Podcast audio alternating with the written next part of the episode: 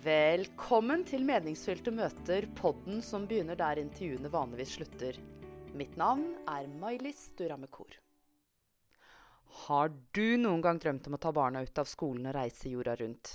Eller har du kanskje en drøm som har fulgt deg en stund? Gründer, leder og foredragsholder Sissel Naustdal er i gang med sin store drøm, som nettopp er et reise jorda rundt-eventyr med barna på 11, 16 og 18 år. Boligen er solgt, bilen er solgt, og båten legges ut for salg i disse dager. Familien på fire skal ta ett år fri for å besøke verdens såkalte fem geografiske Blue Zones-områder. Dette er områder i verden hvor mennesker lever aktive og meningsfylte liv til de er over 100 år. Perfekt tema for denne podden, med andre ord. Men i episoden deler også Sissel ærlig med oss sin egen livsreise. Gjennom imposter syndrome, skilsmisse, karriere, morsrollen, og hvordan hun fikk bruk for alt av livsverktøy og kompetanse da datteren fikk anoreksi og deres reise ut av sykdommens nådeløse grep. Du, denne bakgrunnen har jeg kun tatt på for deg. Fordi jeg har aldri Jeg har bare hatt sånn der blurry bakgrunn før. Men altså, oh, ja. jeg har gleda meg sånn til, eh, til å snakke med deg i dag. Ja, ja, ja. Fordi du gjør det mange av oss bare snakker om. Du tar med barna, og så reiser du jorda rundt.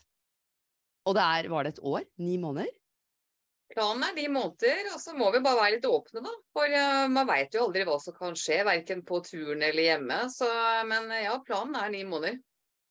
Ja, vet du hva? Jeg tenkte før vi presenterer deg, så må du bare fortelle kort om det her. For det, jeg er superentusiastisk og kjenner at uh, jeg har veldig lyst. Mannen min er ikke så gira. Og barna er litt sånn noen vil, og noen vil ikke. Jeg har tre barn sånn som deg. Ja. Så jeg er ei som vil, og de to andre vil ikke forlate venner. ja. Om jeg skal bare starte kort med når var det galskapen egentlig begynte? Fordi jeg må jo erkjenne at det er jo en god dose galskap. Eh, Det kiler skikkelig i magen. Eh, Og jeg har jo aldri reist rundt før. Altså Mange dro jo rundt jorda når de var unge. Eh, Før man liksom begynte med studieliv og familieliv og alt det her eh, som, som man gjerne skal eh, sette i gang med da, når man er ferdig på videregående skole. Så for meg var det noe som har ligget liksom litt i bakhodet mange år, at en dag så skal jeg reise jorda rundt. Og, og gjennom da det selskapet jeg driver, Made to Grow, så har jeg de siste årene tenkt at jeg må reise og oppleve med hvordan folk bor og lever andre steder. Hva gir livskvalitet og mening og verdi og gode relasjoner og god helse og, og de tingene som vi alle er opptatt av, tenker jeg, uansett hvor i verden vi bor. Og så drar jeg på juleferie til Valdres, hvor jeg kommer ifra. Derfor så har jeg ikke og e og noen sånne dialektord. Så vet lytterne hvorfor, eh, hvorfor jeg har eh, disse dialektordene mine. Jeg har hatt en veldig veldig fin oppvekst i Valdres. Og vi har hytte der fortsatt i familien. Og så Andre juledag. Ja, det er kjempefint. Så andre juledag så våkner jeg på morgenen, og så setter jeg på meg headsetet og tar en ganske lang meditasjon, for jeg liker å få til en lang eller kort meditasjon, avhengig av hva jeg har tid til, eh, på morgenene. Jeg gjør det ikke hver dag, for det rekker ikke, jeg klarer ikke å få til, men så ofte jeg kan. Og da har jeg én times meditasjon, og i denne meditasjonen så føler jeg at det kommer liksom sånne veldig ja, intuitive beskjeder nesten. Altså sånn, jeg ser for meg noe som da er denne turen. Og så er det jo helt absurd, fordi det Da som snakker vi liksom jula 2022. Ja! Nå! Sist jul. I love it. Og, så, og, så, og jeg føler at jeg får beskjed om at nå er den turen eh, nå, nå skal den turen skje. Nå skal du eh, ta med deg barna og reise jorda rundt. Og det første som kom, var at jeg skulle kjøpe en dobbeltdekker buss og bygge den om med et soverom til hver av oss. Altså en 13 meter lang buss og ha soverom og bad og stue og kjøkken. Eh, så i, i den timen her så liksom får jeg nesten hele planen for meg da, med denne bussen. Og, eh, og jeg tenker jo at ja, herlighet, Sissel. Også, for jeg, jeg, jeg kjenner litt meg selv etter hvert. Og når jeg får et eller annet for meg, eh, samme som da med denne båten som jeg står i nå, som jeg kanskje kommer tilbake til, som har vært en annen reise. Samsara. Ja, Som du sitter i nå. Ja, ja. Ja, Ja. nå er jeg på båten. Så når jeg får sånne eh, visuelle bilder på et vis, da, drømmer, jeg tror vi alle har det, så blir det eh, noen ganger så sterkt push da, at jeg kjenner at dette her er det virkelig noe jeg må utforske. Og det var det jeg fikk da i jula når dette her kom. Og så går det et par dager hvor jeg bare går og lar liksom hele tanken og ideen og drømmen bake litt. Og så sitter vi i heisen, eh, og vi er på ski, jeg og de to yngste jentene mine. Og så ser jeg at, vet du hva, nå har det kommet opp, et, kommet opp en, eh, en ny idé. og hun minste sier å nei! og har vært med på noe før. hun er tolv, er hun ikke det? Nei, hun er ti, hun blir ti, hun blir elleve nå til sommeren, så hun er snart elleve år. Og hun mellomste er 16. Og hun ser bare OK, litt sånn forsiktig, hva kommer nå? Og så sier jeg da dette om denne turen og denne bussen. Og liksom første reaksjon er nei, det er helt uaktuelt. og jeg bare ja ja, jeg veit jo at det er helt, eh, helt eh, spinnvilt, så jeg skjønner jo det. Men da veit dere iallfall hva jeg har gått og tenkt litt på. Og så går det kanskje en dag, og så kommer da Mira, hun mellomste, og så sier hun mamma, vi har tenkt litt på det her du fortalte om den der reisen og sånn. Så hadde begynte å google sånne dobbeltdekkerbusser og svære bobiler og sånn, da. Og begynte å undersøke litt. Fantastisk. Og så sitter vi plutselig bare på kafé i skibakken, og så begynner vi å se på mulige Og så finner vi noe på Finn, og så vi begynner liksom å researche litt, da. Så innen eh, juleferien er over, så har allerede jeg sendt en mail til et firma som eh, da Miria har funnet, som bygger om busser. Og begynt liksom å beskrive hva vi kanskje vil ha, og be om et pristilbud. Og så møter man jo mennesker samarbeidsprosjekt, da. ja, ja. Det ble jo det. Og hun mellom- minste var sånn Nei, dette var liksom ikke så veldig klar for, da. Men ja, ja litt sånn gøy tanke da med denne bussen og ja, litt sånn kanskje på glid. Og vi kom jo hjem eh, etter juleferien og begynner å snakke med hun eldste som er 18. Og hun bare ja, mamma, jeg kjenner jo deg, dette er en skikkelig kul drøm og spennende reise. Men jeg skal heller dra på egen hånd og liksom frigjøre meg litt og gjøre mine egne greier, liksom. Så jeg blir vel neppe med på den turen. Det var hennes første reaksjon. Så jeg bare ja, ja, det skjønner jeg jo. Nei, vi får jo se åssen det blir da, sier jeg da. Og så, og så møter man jo mennesker. Sant? Altså møter jo denne fantastiske italieneren Dino Serrao. Han hadde Ja, Dino Serrao, han må du jo fortelle litt om. Ja, ja. Så han hadde der, Jeg bare sett på avstand på et arrangement jeg var på tidlig i desember. Og tenkte at han tar kontakt på han er en spennende, kul fyr. Altså egentlig uansett uavhengig av turen. Men tenkte at ja, men hvis vi skal på en sånn tur, så må vi jo Det blir jo liksom et made to grow-prosjekt, ikke bare et familieprosjekt og en personlig drøm som skal realiseres. Da må vi ha med noen, kanskje en sånn som han kunne liksom Hva, hva syns han om den ideen? Var liksom den første Ja, fordi tanken. han driver eh, Han er ganske stor på sosiale medier, hvor han går fram til folk. Han reiser rundt i verden. Så går han til fram til folk og sier 'Du er så vakker. Kan jeg få ta et bilde av deg?' Og så blir det et intervju i det, er det ikke sånn? Jo, altså han ser etter det eh, vakre eh, i ordinære mennesker. Og så tar han bilder, og han tar så fantastisk fine bilder at når de menneskene ser de bildene han har tatt av det, så blir det sånn Oi, ja det var skikkelig kult. Eller ja, det var fint. Ja, det liker jeg. Og så har jo da partneren hans eh, filmet eh, liksom bakgrunnen her, når han går bort og sier at jeg Hello, I'm Dino Serrao, I come from Italy, I'm a street photographer. Og forteller veldig kort, uh, here is my work. Og så viser han telefonen sin og drar frem bilder og viser hva han har gjort med andre mennesker. Og så spør han, kan jeg ta et bilde av deg? Eh, you look amazing, eller you have a really, really cool uh, way or style. Altså han, han er utrolig sånn varm og empatisk. Og på en sånn måte at uh, han bygger veldig tillit, da. Uh, han, får sikkert, han får selvfølgelig fryktelig mange nei imellom hvert ja. Så, så det er en krevende jobb også. Men, men han ser jo da etter potensialet i, eh, i andre mennesker. Jeg skal ta og legge. Instagram-kontoen hans i, eh, i Ja. linken her. Og det er nok eh, altså veldig mange, når jeg sier navnet hans, og de går inn og titter på Insta eller TikTok, så ser de å ja, han har jeg sett, og han har så fine bilder. For han har, han har vært i Norge nå veldig mye sammen med partneren sin Anita. De var på Lindmo for et års tid siden, tror jeg det er. Eh, så, så, det er ganske mange i Norge også som har hørt om han nå. Eh, superherlig person, og også Vanita, partneren hans, da. Så er det så bra motstykke til den uh, glam-kjendiskulturen. Ja, hvor folk som ikke vi kjenner oss igjen i, ja, fasade som du sier, får ja. så mye oppmerksomhet, og så blir liksom folk flest uh, sånn nedgradert, som om det var noe ja, mindre bra, da. Ja. Så han er så veldig på det ekte og ordinære, og hva er flott og fint med det. Så når vi har da vårt første digitale møte, jeg tror det var 6. januar eller noe sånt, og så forteller han litt om seg og sitt, hvorfor han gjør det han gjør. og Han drev om restauranter i Australia og var ordentlig suksessrik eh, der nede. Og, og, og, at han da har dette, denne passionen som er litt lik vår og min passion, dette med å utvikle menneskers potensial. Og han gjør jo det på den måten han gjør det med bildene sine. Og så forteller jeg om denne drømmen og turen og tankene jeg går med, og han tenner så på denne ideen. Så vi har jo da hatt ukentlige møter siden, og nå er jo flybillett av gårde fra Oslo booket. Så eh, vi planlegger Fortell hva han skal gjøre under turen, da. De skal da være med å filme og dokumentere.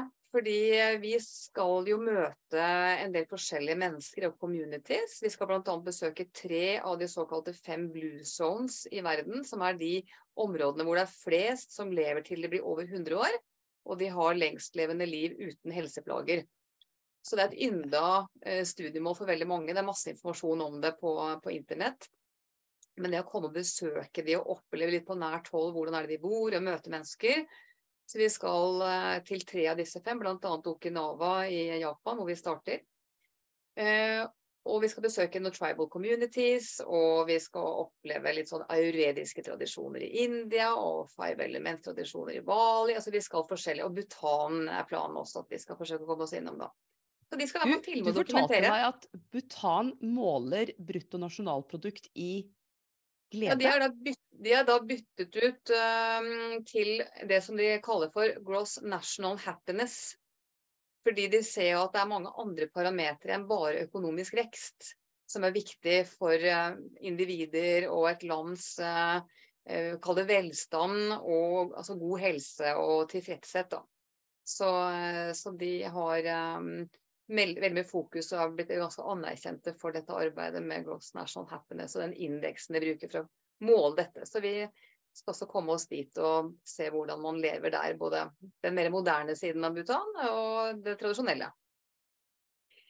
Så jeg leste at uh, ifølge FHI er forventet levealder i Norge 84,9 år for kvinner og 81,5 år for menn. Og da tenkte jeg da har jeg 24,9 år igjen, jeg. Ja. For jeg fyller 50 i år. ja, for du, du, tenker at du er, du, er, du er, gjennomsnittlig og eh, vil lande på det? Nei, jeg er ikke gjennomsnittlig. Jeg føler at jeg skal bli 100 år, jeg, så. ja, ja, og det er jo det er Hva med deg, Sissel? Hva føler du? Jo, jeg har jo sagt i mange år at ja, jeg skal bli minst 100 år, fordi ja. alle mine fire besteforeldre har blitt uh, tett opp mot 100 år uh, gamle. Og så mm, kort digresjon på det. En, eh, en, coach jeg hadde for noen år siden, og så forteller jeg at ja, jeg skal bli over 100, og sier jeg en sånn bisetning. Og så sier han hva? Skal det bare bli 100? Jeg skal bli 150, jeg, sier han. ja, vi kan så da uppa jeg målet mitt til 130 jeg, da, i løpet av den samtalen. Og så tenker jeg at ja, men hvor gammel jeg blir, det kommer an på mange ting. Eh, som mye kan jo skje. Men det det gjorde med meg, var jo at jeg kjente en inspirasjon til å gjøre noen endringer i livsstil, kosthold, få mer søvn. ting som, altså, fordi Skal jeg bli gammel, så har jeg jo lyst til å ha god helse. Det er jo ingen vits å bli verken 100 eller 80 eller 130 hvis man er veldig dårlig i helsa si, psykisk eller fysisk eller begge deler. Så da må man, man ha livskvalitet. Så, så, det var for meg en motivasjon da, til å gjøre visse sånne grep. Ja, for du har liksom hoppa av eh, og gjort noen endringer. Eh, og jeg fant ut at det er jo mange gründere som er rundt 40 år. Fordi at da er man så lei av det hamsterhjulet. Og du mm. hoppa jo av, eh, og du var jo HR-direktør i et selskap og jobba jo et ganske stressende liv. Ja da, jeg, jeg, gikk jo fra å være en ganske sånn happy-go-lucky eh, partyjente i ungdomsårene og tidlig 20-årene, og henge med venner og ha det gøy var liksom det viktigste på mange måter å oppleve livet. Eh, men så fikk jeg jo en sånn eh, oppvåkning på et vis i, når jeg var 23 om hva jeg ville bli. For jeg hadde gått i mange år og egentlig søkt litt hvilken retning og utdannelse ville jeg ha. Uten å helt finne svar.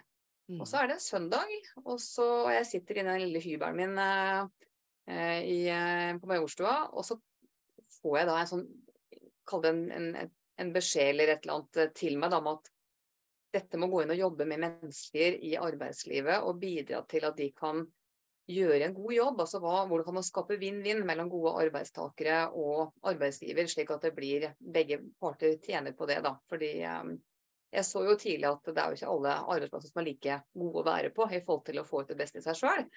Og det ble min sånn guiding star i forhold til å jobbe med potensial. Hvordan kan vi ta ut mer av potensialet i oss og i virksomheter. Og når jeg fikk denne, denne motivasjonen, da, eller purposen på et vis, så uh, ga det en boost for meg til å ta mer utdannelse og bli ferdig med bacheloren min. Og jeg kom meg ut i jobb, og så møtte jeg da Marius. Hvilken bachelor var det du tok? En bachelor innenfor, uh, innenfor ledelse og organisasjonspsykologi er min bachelor. Og så bygget jeg seinere, når jeg var 39, så gikk jeg inn og tok en fulltidsmaster, en master of science innenfor det samme, da. Leadership and Organization Psychology på BI. Og så møter jeg mannen, eller eksmannen min, da, pappaen til jentene mine, Marius. Han møter meg 25, og han er jo en sånn løvetannbarn, kan man si. Vokste opp eh, og hatt litt mer krevende start på livet enn det jeg hadde. Eh, men har gjort det strålende gjennom alt av utdanning og beste elev fra videregående og opp i eh, NTNU. Og han hadde allerede gjort karriere og var gründer og kjempeflink. og og kjempesmart. Så jeg ble veldig selvfølgelig både inspirert eh, og litt misunnelig kanskje på at han hadde fått til så mye. Så jeg begynte å si at men jeg vil også føle at jeg er god og flink og smart og får til noe. Så den kombinasjonen da med purposen min dreiv jo meg veldig inn i et arbeidstempo som har vært ganske høyt. Så jeg var jo mange år i IT-bransjen. Jeg har vært i Microsoft, uh, Intelecom, Funcom og jobbet innenfor HR og ledelse. Og ja, ekstremt mye jobbing eh, mange av disse stedene og veldig mange av disse årene. Fikk jo barn eh, underveis her også. Først eh, jeg var 30, og nummer to når jeg var 32. Og det var rett før jeg startet Intelecom HR-direktørjobben med ja, veldig mange reisedøgn og um, veldig mange arbeidstimer i uka. Og, det er krevende med små barn, altså.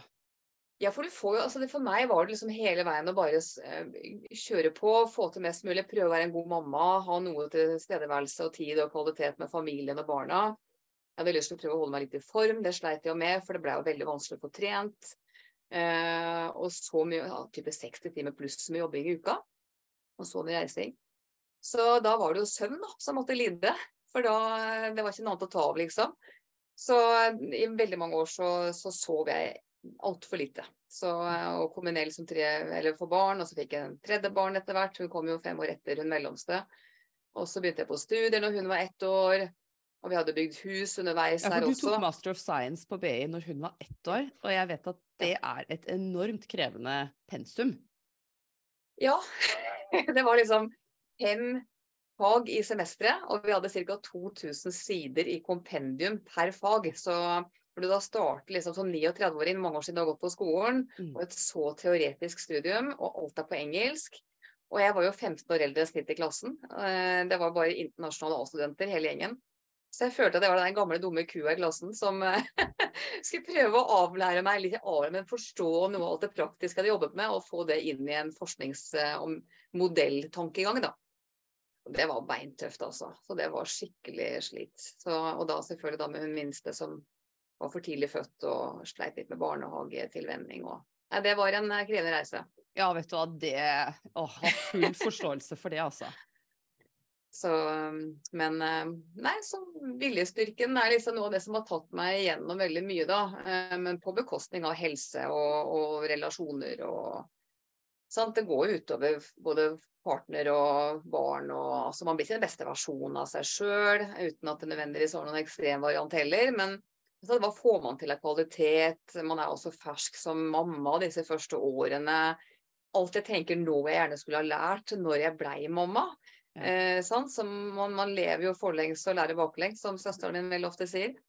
Så, eh, og da må man begynne å reparere litt, både i seg sjøl og i relasjoner og, og, ting som er med. Så vi har vært gjennom en ganske tøff eh, reise. Det ble jo skilsmisse etter hvert, og, og en av hun eldste jenta mi fikk veldig alvorlig spiseforstyrrelse.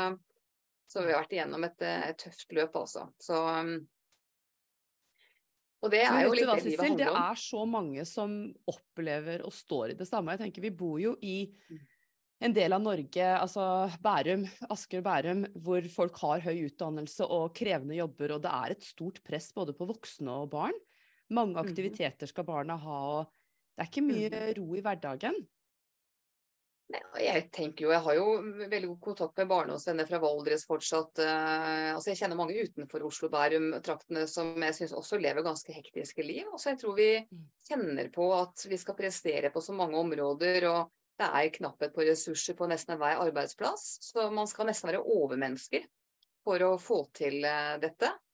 Og, og, og, det tenker jeg er mye av den reisen jeg har gått og kjenne på hva hva er viktig for meg? Det er så mye potensielt av forventninger og press fra samfunnet, hva man skal lykkes med, hva man skal få til.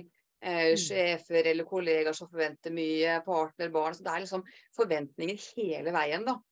Og det da stoppe opp og tenke hva er viktig for meg, hva har jeg lyst til å gjøre? Mm. Hva, hva gir livskvalitet, mening, verdi for meg?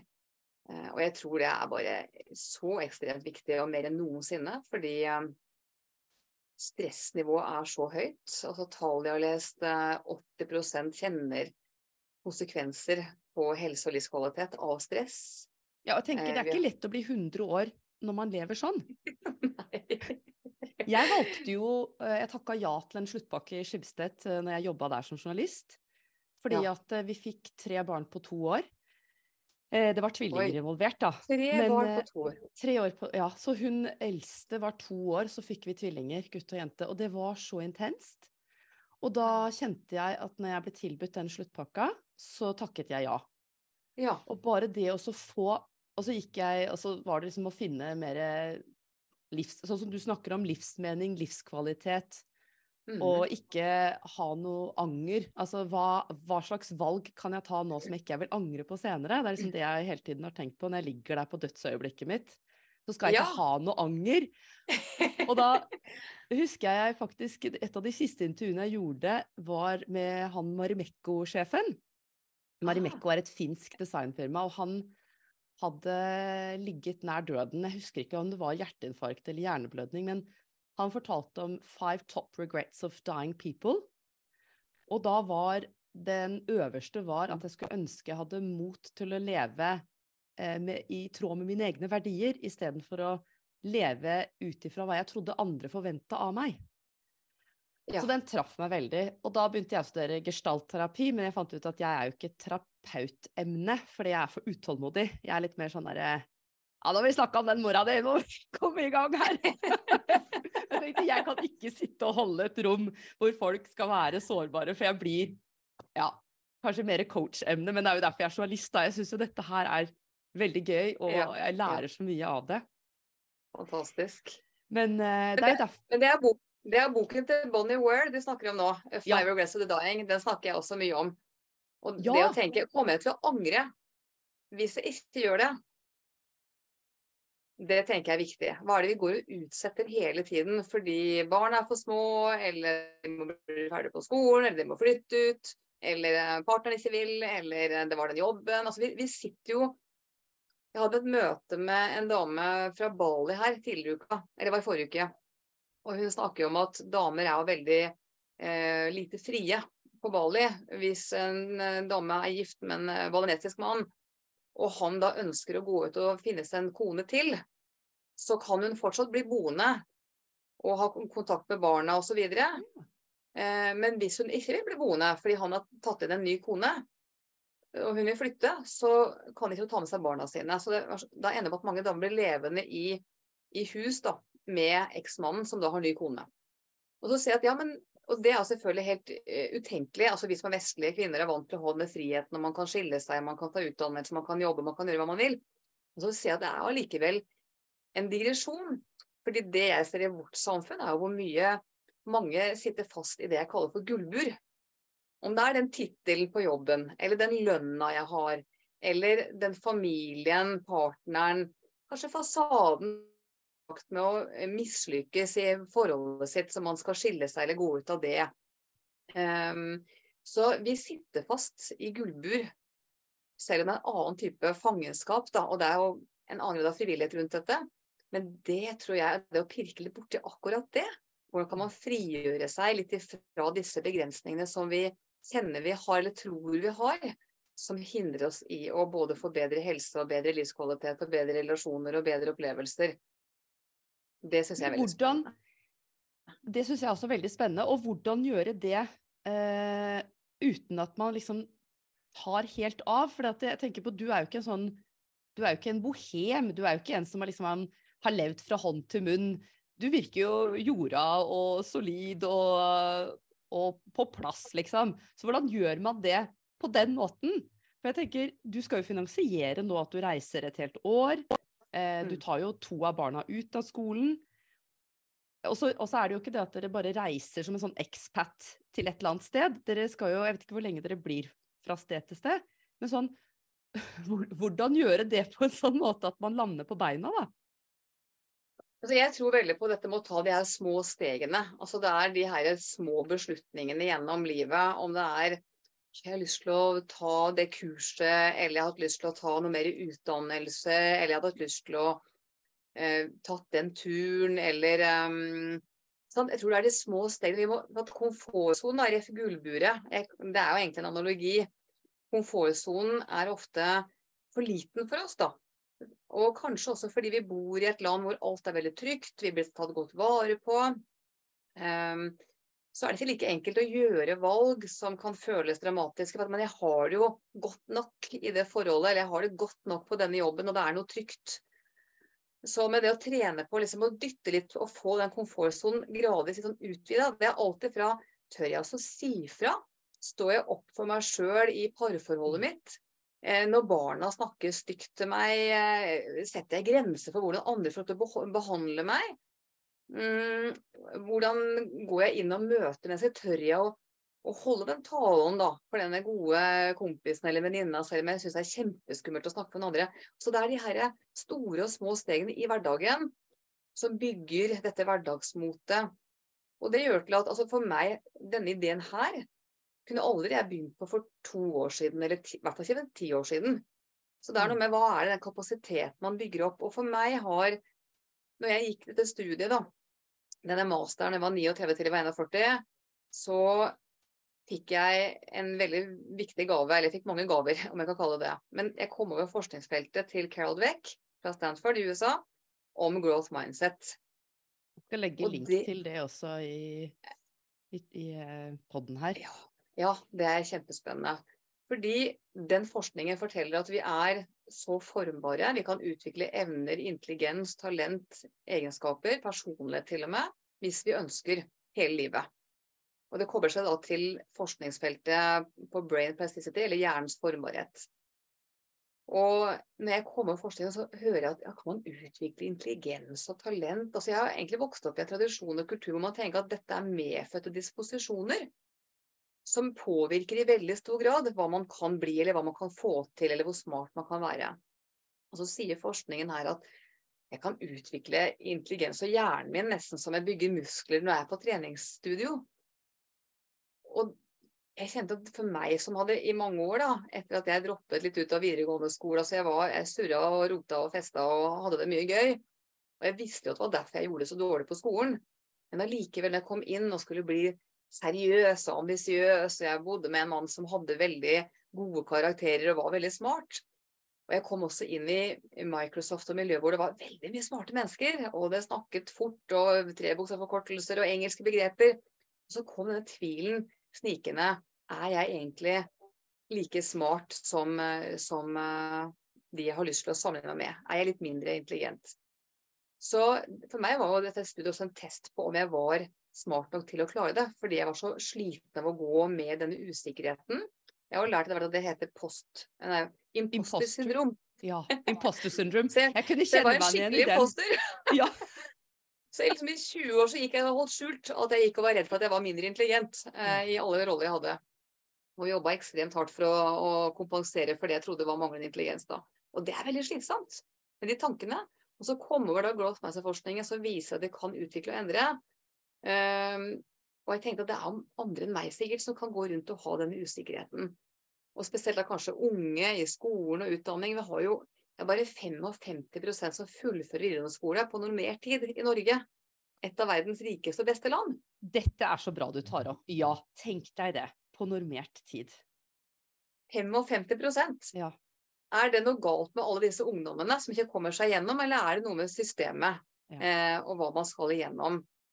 Men det skaper så mye dårlige mestringsopplevelser, så mye dårlig selvtillit og selvfølelse, som jeg tror ekstremt mange drar med seg inn i voksenlivet. Og andre har kanskje gode erfaringer og får til ting som er ok på Men videregående Sissel, skole. du på- sa at vi har en epidemi av dårlig selvfølelse. Ja, Kan du fortelle litt om det? For det, ja, jeg syns det var eh, Det er en god oppsummering. Det er iallfall det jeg opplever, da. At, eh, og det tok meg lang tid. Og det, igjen da, dette med hva man opplever og erfarer i livet. Det var gjennom at min eldste fikk spiseforstyrrelse, og jeg ble veldig engasjert i å forstå hva kommer dette av. Eh, er det min skyld? Eh, hva har jeg eller vi som foreldre gjort? Er det genetisk, og i hvilken grad kan det være det? Og så får jeg med da en, en TED-talk, jeg husker ikke hva hun damen het, men hun snakker da om spiseforstyrrelse, og sier bl.a. at selvfølelse er antidopet mot spiseforstyrrelse og de fleste andre psykiske lidelser.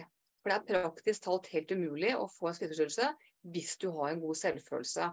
Og da er det viktig å forstå forskjellen på selvfølelse og selvtillit.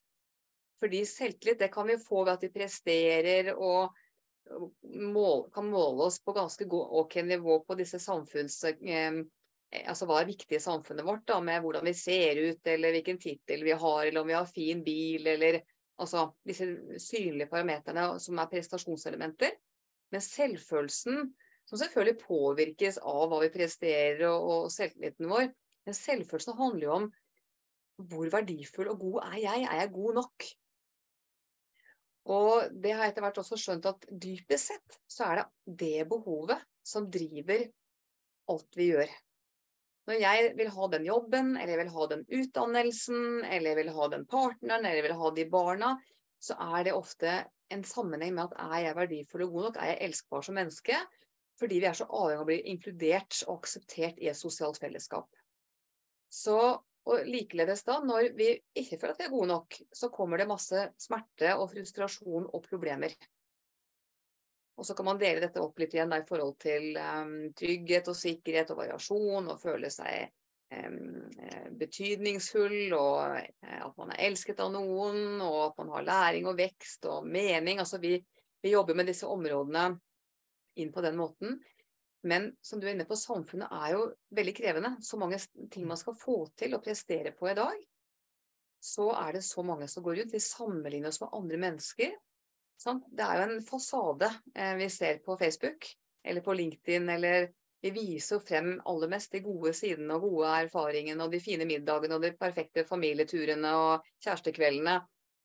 Og hjernen, når den ser mange av disse fine eksemplene, så legger hjernen sammen og tenker at hver person, eller alle andre, får til alt dette. Alle har fine, eller den har fine ferier og fine parforhold. Altså, så vi legger jo sammen, og så tenker vi Mens jeg ser meg selv på innsiden med mine svakheter og problemer og utfordringer og mangler og alt det jeg syns ikke er godt nok med meg eller mitt liv. Så vi sammenligner oss selv på innsiden med andre side.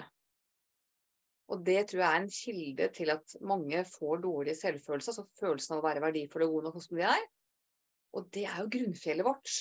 Mm.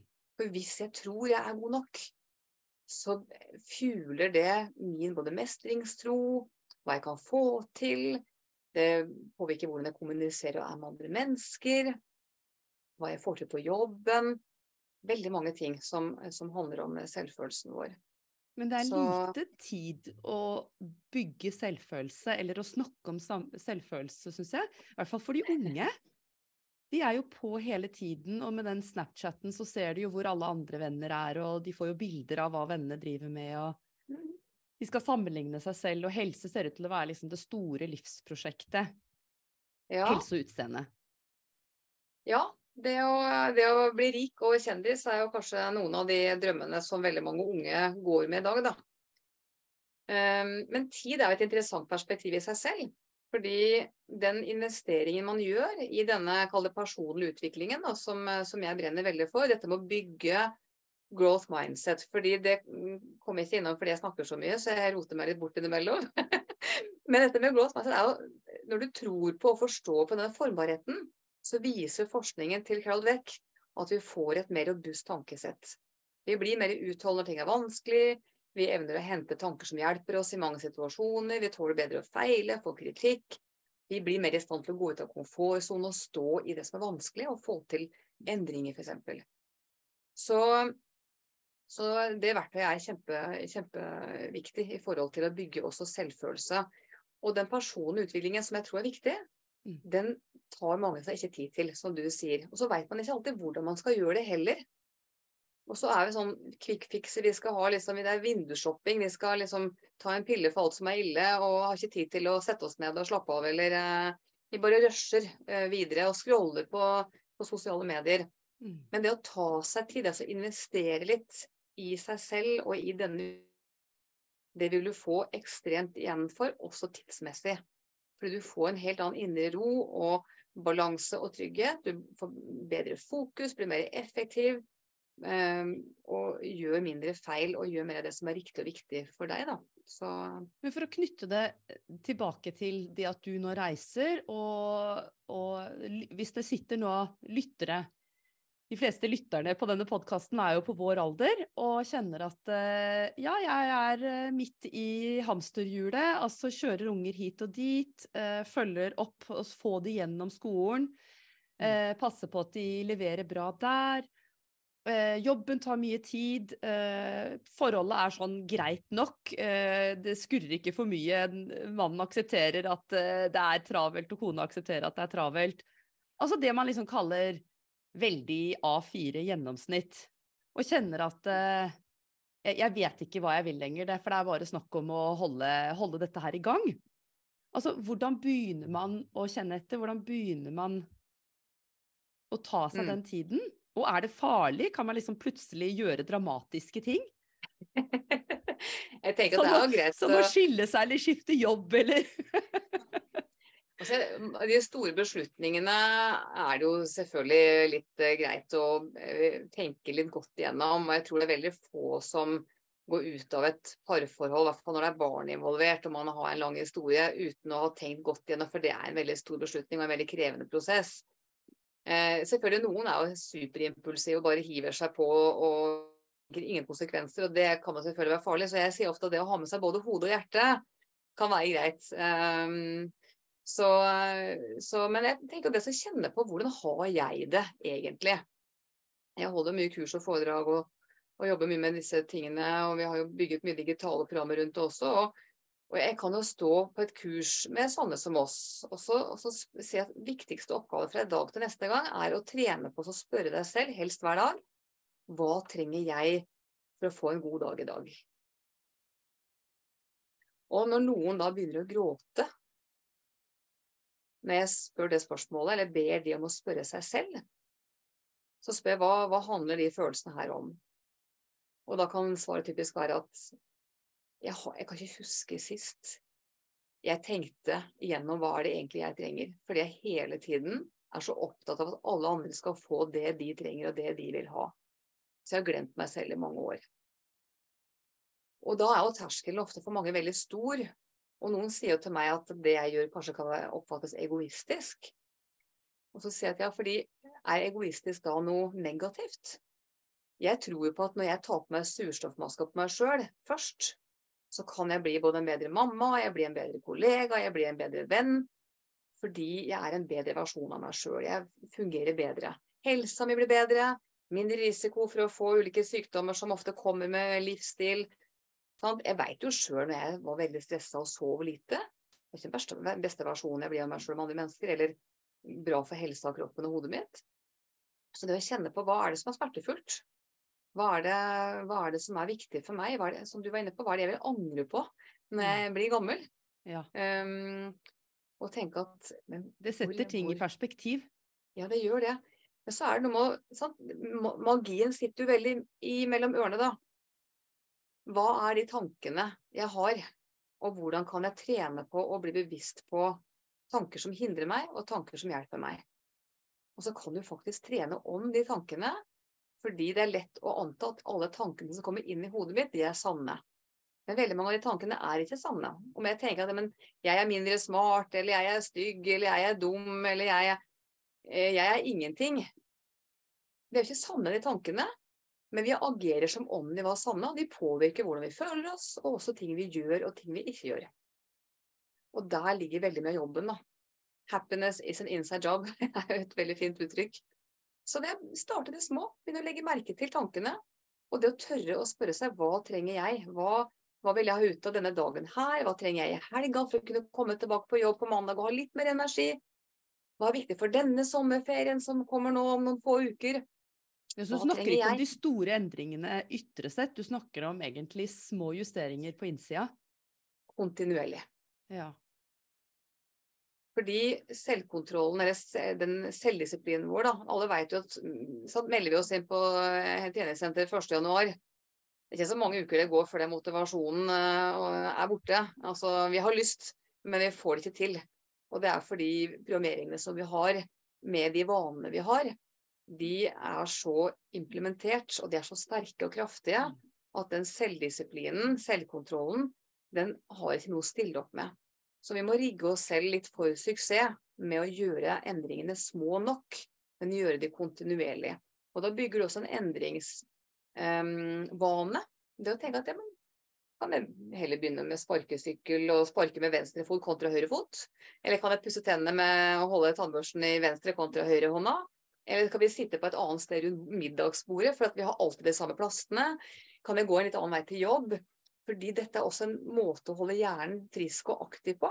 Og jeg tror at i dagens samfunn hvor det er så mye endringer hele tiden, så trenger vi å holde oss litt i gang med endringsorientering. Men det kan være slitsomt, men det er det kun til du kommer litt i gang. Ja, for dette det jeg tenker på, at vi lever jo i et samfunn som bombarderer oss med informasjon om hvordan vi kan få det bedre. Og til slutt så tror jeg veldig mange og jeg kjenner det sjøl også, blir nesten litt sånn det, det går ned en rullegardin. Jeg klarer ikke mer.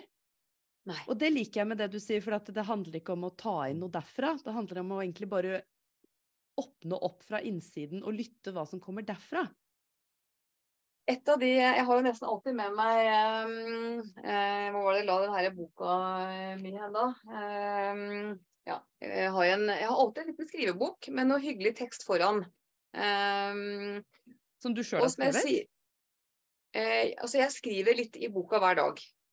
Men det er veldig veldig kort. Det kan være liksom fem setninger, oppsummering av hvordan har dagen i dag vært. Det kan være alltid fra det praktiske. Jeg sto opp da og trente og lagde frokost og var der oppe på skolen, og så var det møte sånn. Men jeg kan også legge inn hva har vært fint.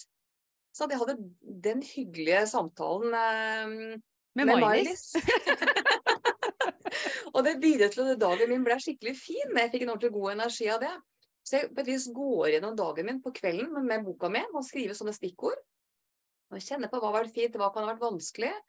Og da la jeg, når jeg begynte å trene på mitt eget mindset, og legge merke til hva er de tankene som har dukket opp i dag, som enten har hjulpet meg eller hindret meg. Og hvordan kan jeg begynne å trene på å endre de som har stått i veien. Eksempel, jeg tenker at å, det å få til å bygge Made to Grow og tekstselskap og være gründer og dame over 40 år, altså det matcha ikke helt mitt bilde det hele tatt. Det var en tech-gründer her. Og jeg tenkte så mye negativt. Jeg er ikke smart nok, jeg er ikke flink nok, jeg er ikke Ja, alt mulig. Men hva tenker jeg der istedenfor? Jo, kanskje jeg kan tenke at uh, jeg kan jo uh, spørre om litt hjelp. Jeg kan lære litt nye ting. Og gradvis så vil jeg kanskje få det til med litt prøving og feiling. Sånn? Jeg er ikke så god på dette enda. Veldig mange mm. sier 'Å, jeg er så dårlig i matte'. Og så sier jeg 'enda'. Legger bare på 'enda'. Fordi det åpner for at men, kanskje kan bli litt bedre, hvis jeg har lyst. Hvis det er viktig for meg.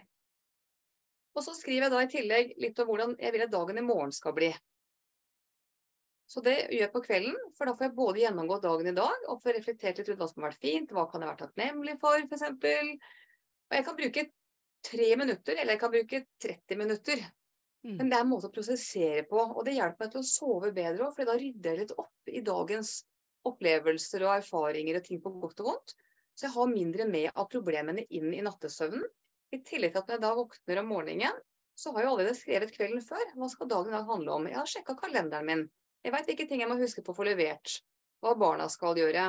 Og så glemmer jeg fortsatt, og jeg har kanskje for lang ambisjon om alt jeg skal få gjort en dag. Men det gjør at jeg blir veldig fokusert på hva er det som er viktig for meg. Ja, for du For er planter det- en mening, en retning.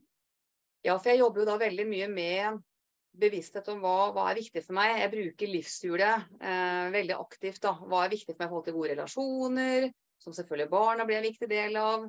Hva vil jeg i forhold til læring og utvikling. Sånn, så jeg har Og det putter jeg inn da i en sånn ukeplan som jeg endrer bare lite på. Men som gjør at det hjelper meg til å bygge gradvis de vanene. Passe på at jeg får booka den lunsjen med henne venninna, eller tatt den aktiviteten eller turen med barna. At jeg liksom er til stede i eget liv og er bevisst på hva prioriterer jeg. Og det som skjer etter hvert, er jo at jeg sitter jo mye, mye mindre på sosiale medier. Jeg ser mye mindre på meningsløs TV. Jeg kunne jo gjerne konsumere fem nyhetssendinger om dagen. Hvorfor trenger jeg det? Det er bare repetisjon av dårlige nyheter, stort sett. Så det ender med at man bruker tiden, energien og fokuset mye mer effektivt. Og det er de små grepene hele veien. Så Du gjør noe annet som Unnskyld at jeg avbryter deg, men du gjør noe annet som jeg bare passer på at ikke vi glemmer det. Vision board. For det er veldig kraftfullt. Og det er lenge siden jeg har hørt om, men uh, du var også på Sandvika videregående sammen Ja. med mellomste datteren din og snakka om uh, elevers motivasjon og mindset og mestringstro, og fikk de Ja. også til å lage et vision board. ja, det var kjempegøy. Ja, det, det ligger jo mitt hjerte veldig nært når du jobber med de unge og gir de sånne verktøy, som jeg egentlig syns burde vært et obligatorisk fag. Vi burde jo egentlig gjøre det alle, fordi jeg tenker jo at vi, vi lever jo dette livet her og nå. Um, og hva jeg fyller livet mitt med, hva, hva vil jeg det skal inneholde, hva jeg har lyst til å bidra til, hva er viktig for meg, så er et vision board et fantastisk verktøy fordi da putter jeg bilder, jeg lager det digitalt, men du kan også lage en bildekollasj. Eh, Hun eldste min har jo hengt den på veggen. Hun har klistret opp bilder av ting på veggen som illustrerer at hun har lyst til å være i god form, hun er veldig glad i å trene vekter og være sterk. Det å reise, det å kanskje ha en, en fin kjæreste, det å ha gode venner, opplevelser. Um, Jeg har jo da selvfølgelig, jeg klinte opp den der bussen som jeg trodde vi skulle reise i året med. Det blir jo ikke buss, det blir jo fly, for jeg skjønte at det var så upraktisk eh, reiser jo rundt med en svær buss. Så bussen blir det skal ingenting dere av. fly. Ja, vi skal fly. Vi skal fly. Vi skal såpass mange steder at vi må fly, og det, vi har ikke tid til å kjøre overalt. Og det er masse dårlige veier mange steder og sånn, så det, det skjønte at det var urealistisk. Men den bussen kom inn på Vision World, begynte å oppdatere det i jula. Så er det en hvit dobbeltdekkerbuss hvor det står 'Made to Grow' og 'Life Reset'. For det er på en måte et signalprogram jeg har laget eh, annet, som, som gir mange av disse vanene og verktøyene. Jeg kjører transformasjonsprogrammer med mennesker som jobber eh, med disse tingene litt over tid, for å få inn disse små vanene og de små stegene. Hvordan får jeg litt bedre helse, om det er motivasjonen min? Hvordan eh, får jeg det bedre på jobb? Hvordan kan jeg stresse mindre? Hvordan kan, hvordan kan jeg sove bedre? Hvordan, hvordan er jeg mer på plass i eget liv, da? Så Ja, og bilder er så sterkt, for du ser det hver dag. Og det, Ja. det gir deg det, det drar opp alle følelsene og tankene og luktene og smakene og Ja, ja. Så jeg har mitt vision board, det ligger jo, jeg lager det bare i PowerPoint. og klistrer inn bilder som jeg finner på nett, eller bilder av meg og barn, eller hva det måtte være. Og så ligger det på, på desktopen, Så når jeg slår på PC-en min, så er det det første jeg ser. bra Og det tips, gjør at man Da får man liksom påminnelser om hva er viktig. Så um, er det små, små stegene, små verktøyene. Og så bruker jeg også mye Altså Meditasjon er fint for ulike ting, både for å roe seg ned og komme til stede. Jeg prøver å ta en liten powernap, eh, en liten sånn slumring på 10-15 minutter. eh. Det er en sånn energiboost. altså Når jeg tar den type før 4-5, så er jeg liksom lada til en ettermiddag og en kveld som blir mye bedre, og det er mer hyggelig å være meg og rundt meg, tror jeg òg. Men jeg også visualiserer mye. Hva er det jeg har lyst til å få til i fremtiden? Og jeg ser for meg ting, da. Og skaper mål og drømmer litt levende. Ja, for da Eh. bruker du mer tid på det du har lyst til, som er da mye mer energigivende, enn er jeg flink nok, har jeg nok ressurser, hvordan skal jeg få det til? Ja. Og nettopp det er også nøkkelen når, de her dumme tankene kommer, da. Og så si hm, det var den tanken, ja. Eh, den var ikke så veldig hjelpsom. Hvor kommer den fra? Hvem har gitt den til meg? Er den egentlig min? Vil jeg egentlig ha den? altså, du kan jo sant? Begynne, å, begynne å stille spørsmål til tankene og si men hva har jeg lyst til å tenke istedenfor da? Det er jo sånne For tanker er så påvirkende på energien vår. Det veit du jo. Hvis jeg gleder meg til en fin ferie, så kjenner jeg at jeg får en helt annen energi enn om jeg gruer meg til å måtte stå på mandag morgen, for at da er det helg og da er helga ferdig og jeg skal tilbake på en jobb jeg kanskje ikke er så veldig glad i. Så gjør det noe med hele energinivåen. Så jo mer vi kan fokusere på ting som er bra, og jeg tror også det er et veldig viktig element i et samfunn hvor vi har egentlig dekket veldig mange av de viktigste sånn, overlevelsesbehovene våre. Da. Og så tenker jeg, hva er det vi da fokuserer på? Fokuserer på de få tingene som ikke er bra. Om det er med kroppen vår, eller sånn, Som jeg sa til hun eldste min når hun var veldig syk. Mm. Ja, hva, hva, er det som er galt med Du er jo kjempeflott. Og så pekte hun liksom på et par steder hvor hun ikke var fornøyd. Men ser du at 98% her er veldig, veldig bra. Og du er naturlig, du er frisk og sunn. Og så ser du på de to prosentene som du syns ikke er helt perfekt. Og så blir det liksom så overskyggende. Og jeg tror vi gjør det på veldig mange områder, om det er med partneren vår. For var det vi sist satte oss og tenkte hva var det jeg egentlig ble forelska i Var han her eller hun her? Hva er det som egentlig er fint? Hva er det man har tapt litt på veien fordi man går og irriterer seg og man er frustrert. Igjen tilbake til fundamentale behov. Hva er det jeg ikke får dekket? Jeg blir ikke sett, verdsatt godt nok. Vi er så opptatt i egne liv, i hamsterhjulet vårt. Så vi glemmer liksom å få andre til å føle seg bra, og så går det utover parforholdet, og så glemmer vi å få, få oss selv til å føle oss bra. Så ja, det er um... Men det med, som du sier, uh, spiseforstyrrelse, jeg lagde en episode om det, hvor det var en veldig modig ung dame som sto fram og fortalte om uh, hun hadde slitt med anoreksi, og hva det var som mm. fikk henne ut av det. Og hun sa det er så uendelig vanskelig å reparere. Det er mye mm. bedre å forebygge. Og mm. at hun også følte at det på mange måter så var det uh, et resultat av det der å være så flink, å være driftig og stå på. At det på en måte nesten er en sånn sosial konstruksjon. Det er et, det er et symptom på samfunnet vårt. At uh, de som får det, ikke kan bare liksom tenke at det er noe meg. Det er, det er, meg som hadde en svakhet, derfor så glapp det for meg. Men det er også et resultat av det samfunnet vi lever i. Ja, det er jo ingen tvil. Altså, Hva gjør at så mange går rundt og føler seg mindre verdifulle og gode nok? Og jeg tenker jo, det er mange ja, og Det er så bra at du sa det, at det faktisk dårlig selvfølelse er en pandemi. Og i ja. det så tenker jeg også du får spiseforstyrrelser, du får depresjon, du får angst. Ja. Det henger veldig mye sammen med det, for det er nesten helt umulig å få de typer problemer hvis du har en god selvfølelse. Og da spør veldig mange men hvordan bygger man da god selvfølelse? Fordi hva er det vi har fått med oss i livet? sant? Altså vi, Noen har uh, Hva gjorde du med datteren din, hvis jeg kan spørre om det? Jo, altså Det ene var jo at vi altså, Noe handler om å bare få henne til å tro på at det er mulig å bli frisk. Fordi det er også et, en side av den sykdommen som gjør at veldig mange har um, ikke tro på at de kan bli friske, og at de kanskje til og med har lyst til å gi opp hele livet.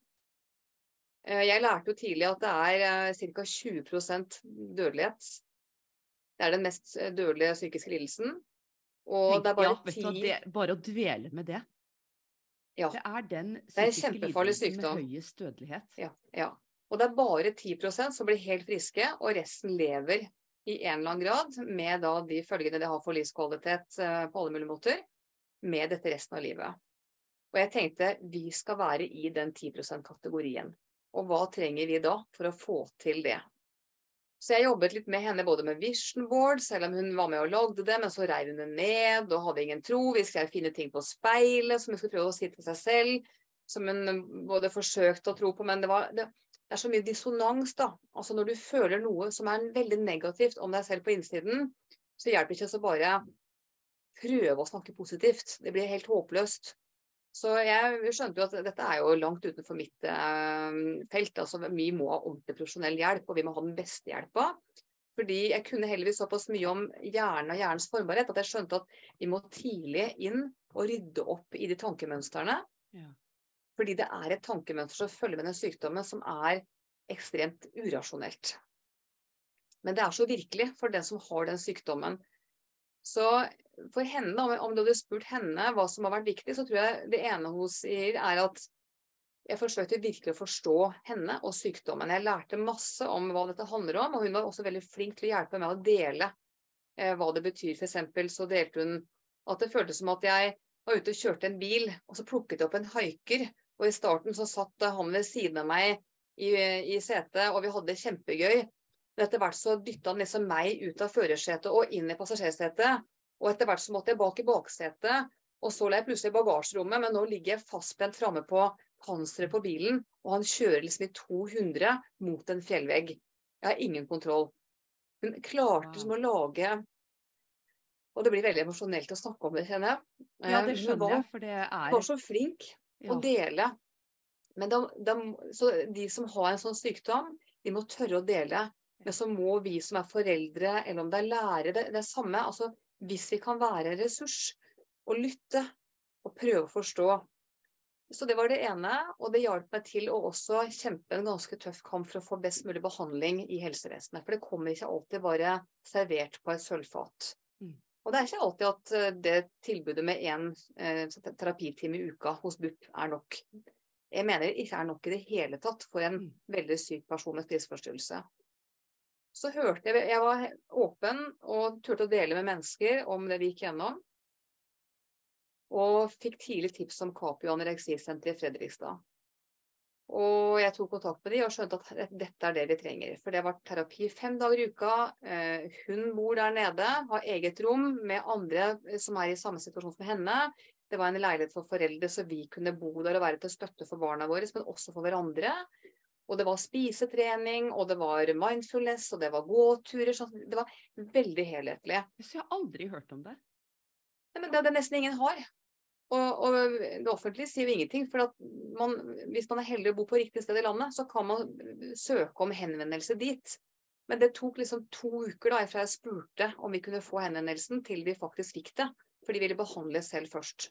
Var det å stå i den kampen om å få best mulig behandling og bry seg om eller blande seg inni det leger og psykiatere mener er best for ditt barn, det er ekstremt tøft. Igjen tilbake til growth mindset. Jeg hadde aldri klart det uten å ha den evnen til å hente fram tanker og krefter som, som hjalp meg og fikk meg i det kampmoduset. Og så fikk vi jo videre muligheten til å være med på um, sitt forskningsarbeid, eh, som jeg også la som underveis. Eh, også nok en lang runde med, med jobb for å få henvisning eller få godkjenning av, av det offentlige til å kunne ta imot den hjelpa. Da gikk det på veileda trening og veileda spising når man kom ut av Capio og skulle tilbake i den friskere delen av behandlingen. Mm.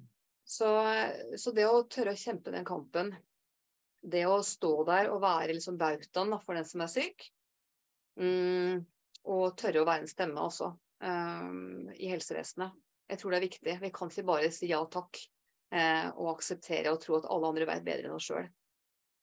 Jeg vet du snakker på vegne av veldig mange foreldre i det du deler. For det, det er veldig verre. ensomt. Det er veldig ensomt. Det er beintøft. Altså, så vi får jo litt kontakt eller henvendelser fra folk som spør oss om litt hjelp også, fordi vi har vært igjennom det vi har gjort. Og Iris har jo også vært tilgjengelig for å støtte litt andre unge i samme situasjon også. Så nei, det er viktig. Dere har eh, tatt vekk tabuet, og det Ja. er kanskje den, det Mm. første skrittet. Tørre å snakke om det. Ja. Og det er jo igjen tilbake til samfunnet. Altså, når vi tror at alle andre fikser livene sine, at de har perfekte karriere, perfekte liv, perfekte familier, da er det veldig vanskelig å si vet du hva, sorry, men jeg sliter med noe. Ja. Vi har lyst til at eh, vi skal fikse alt sjøl også. Nei, men det- takk skal du ha. Og du sa at det, også er en, en del av det der at dere kommer nå sammen på denne Ja. turen. At dere, dere står der som familie sammen. Mm. Og da Ja, for din eldste så blir det jo da kanskje den siste turen hvor hun er en del av uh, kjernefamilien. Ja, fordi sant? hun var i utgangspunktet negativ. Og så begynte vi å snakke om turen, begynte å planlegge, passe på at hun fikk høre litt om at vi, ja, vi skal jo ha med din og Vanita, vi skal jo dit og oppleve det og dit og oppleve det. og Da får du muligheten til å være med på en reise som, som blir litt annerledes enn det du kanskje får til å bare reise med en ryggsekk alene. Eh, så ble det gradvis ja, men kanskje, og så ble det etter hvert ja. så, så det å få til å samle alle jentene etter de årene vi har hatt da, gjennom eh, samlivsbrudd og sykdom og diverse ting um, Vet du hva, livet skjer. Det er jo det, Det er det det livet skjer. Ja, ja. Vi kan prøve å planlegge det i huet og ræva, men vi har jo ingen garanti for noe som helst. Og da er det med å ha de verktøyene. Hvordan er jeg på innsiden? Hvordan klarer jeg å ha tanker, følelser, ro, balanse? Vi trenger den verktøykassa, og jeg skulle så gjerne ønske at barn og unge fikk dette bygget mye, mye tidligere. Og at alle arbeidsgivere skjønte hvor viktig denne personlige utviklingen faktisk er. Fordi jeg veit jo hvor mye mer produktiv jeg blir på jobb. Hvor mye mer motivert og engasjert jeg blir på jobb. Hvor mye, altså jeg er jo aldri syk. Mm. Hva er det som er viktig for arbeidsgivere i dag? Jeg jobber jo med skoler hvor de har 20% sykefravær og tilsvarende høyt nivå på turnover. Det blir så stor belastning på de som er igjen. De er jo snart både sykemeldte og ønsker å slutte, de også. Ja. Så altså, hvor, er man, hvor er det man er hva som tror du er grunnen? Hvordan har det blitt sånn? Nei, det er et, et veldig langt bleke, og mange aspekter av det. Men, men den, øh, kanskje det korte og enkle svaret er jo litt knyttet til også hvordan hjernen vår fungerer. Da. Eh, Det er lettere å reparere når vi har det smertefullt. Altså, når er det vi gjør grep med helsa? Et eksempel en dame som har gått i programmet hos meg i vinter, som og bruker ofte begrepet at kanskje problemer vi får, er gaver fra universet. Så jeg bruker det for blant annet når Iris ble veldig syk. Vi har jo lært så mye, og det var også en ting jeg gjorde med henne, at tenk en dag, Iris, så er du frisk. Og da har vi lært så mye. Kanskje vi har kommet enda bedre sammen igjen som familie og med relasjonene våre. Og så kan vi til og med kanskje hjelpe andre som er i samme situasjon. Så vi eh, sådde et frø av mening, da. Så, så jeg tror at den her kortsiktigheten, sant? den her skipsposen eller den her sjokoladeskåla, den gir denne umiddelbare nytelsen. Hjernen er i utgangspunktet lat. Den skal spare krefter og holde oss i live. Og det å få inn disse vanene, om det er å trene eller spise litt sunnere, og så er det masse krefter i verden som gjør at det er mye lettere å leve usunt enn å leve sunt. Og da når det alltid er reparasjon som er det viktigste, så får vi disse problemene.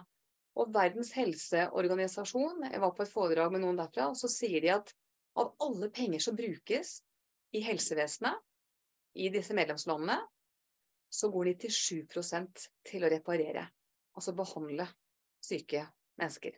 Og bare 3% går til å forebygge. Og det på tross av at man vet at én krone investert i forebygging gir seks kroner spart i reparasjon. Altså det er samfunnsøkonomisk så sinnssykt lønnsomt.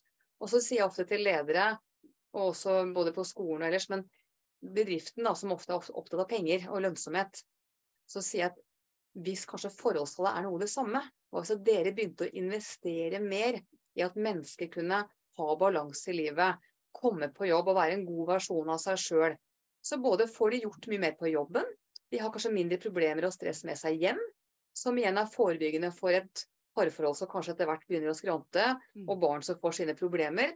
Fordi de problemene du får hjemme, de drar du med deg inn på jobben din. Mm. Fordi når barna blir syke, eller ekteskapet står i fare, så blir vi jo preget av sånne vanskelige reiser vi skal gjennom i livet, som går utover også jobben. Og I verste fall så har du da både jobben og privatlivet som samtidig har store utfordringer. Og da er det ikke lang tid før vi får ganske mange fysiske helseproblemer i tillegg. Så investeringen, men der må du du må planlegge, og du må skjønne at det er faktisk økonomi på høyt nivå. Men ikke minst så er det utrolig mye individuelle lidelser spart. Og så Men hva kan konkret en bedriftsleder gjøre da?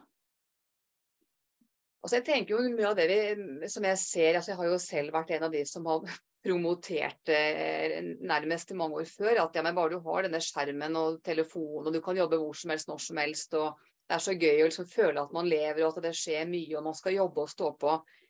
Vi har nok et arbeidsliv, tror jeg også, Mailis, som pusher folk veldig, veldig hardt. Og det er kanskje en av de tingene jeg brenner for å være med å reversere litt, er å vise ledere at hvis du investerer i at folk skal få lov til å ikke jobbe seg i hjel, det er det å komme på jobben og levere en jobb som er innafor det som er forventning til et vanlig menneske. du skal være toppidrettsutøver i arbeidslivet nå. For hvis ikke du er toppform, så er det ikke mulig å holde ut det presset som veldig mange kjenner på nå. Mm. Men jeg tror det er så mye potensial i oss alle. Det er så mye gull som ikke blir forvalta på en god måte. Sant? Det å ha gode ledere som tør og klarer å bygge de gode relasjonene, ha den gode, de gode samtalene, være litt tett på, forstå folk, bry seg om folk det å avstemme forventninger, hva er faktisk viktig, og hva er mindre viktig, slik at vi kan prioritere bort det som ikke betyr så mye. Det å trene opp vaner i selvledelse på hva trenger jeg å sette i gang i dag eller den uka her, eller den måneden her, fordi vi skal prøve å få til dette om tre måneder eller seks måneder eller tolv måneder. Det gjelder både på både individnivå, på teamnivå og på virksomhetsnivå. Så selvledelse er kjempeviktig. Hvordan bygger vi en kultur med psykologisk trygghet og growth mindset, hvor folk kommer på jobben og tør å være seg sjøl, hvor det er rom for å si fra. Det er lov til å si nei, nå har jeg for mye, kan noen andre hjelpe meg her? Eller nå sliter jeg med noe. Støtte hverandre, heie på hverandre. Mm. Altså, det er noe med hva er det vi menneskene trenger? Hvor mye konkurranse skal vi ha, kontra hvor mye samarbeid skal vi ha? Da må jo altså faktisk eh, ledere i stor grad være i kontakt med seg selv for å kunne være da i kontakt med arbeidstakerne? Ja, hvordan kan du lede deg selv, eller lede andre hvis ikke du kan lede deg selv? Eller hvordan ja. kan du forstå andre hvis ikke du forstår deg sjøl? Og jeg tror vi er i en, en, en tid for revolusjon på dette feltet. Vi ser det med trender som går på the great resignation. Altså folk gidder ikke mer. Altså 17% sier Gallup er engasjert på jobb. 8% er proaktivt uengasjert og resten couldn't care less. Ja. ja. Sant? Altså, så vi har og det er well-being-trenden, psykologisk trygghet altså Det er veldig mange ting som viser nå at arbeidstakere de vil ikke bare gå på jobb som maskiner mm. som skal slite, altså bare pushes til det maksimale. Og så slutter de eller blir sykemeldt når de ikke orker mer. Og så er arbeidsgiver kvitt det problemet. Jeg tror, tenker at vi skal investere i folk. Og så start med deg sjøl, da. Sant? Hva trenger jeg for at det skal være på mitt beste? Ha mm. god energi, god motivasjon, engasjement, ha et godt og klart hode. Så må du legge til rette for at de på jobben skal kunne få lov til å ha det samme. De sier disse er som et forsker på generasjoner. Du har millennials. Så sier de generasjon etter millennials er det Assumer, eller generasjon Z, som er opp til 2010. Og de kommer til å være veldig systemkritiske, nettopp fordi de har sett dette her du sier nå, og kommer mm. til å ønske noe helt annet for seg sjøl. Og ønsker når de, er, når de ikke er på jobb, så vil de være på med familien. De har ikke lyst til å ha telefonen liggende og svare på meldinger og de, Nei, ikke, tror... de, de blir ikke frista av at de kan få bedre lønn eller få en promotering på jobb. Det er ikke det som frister.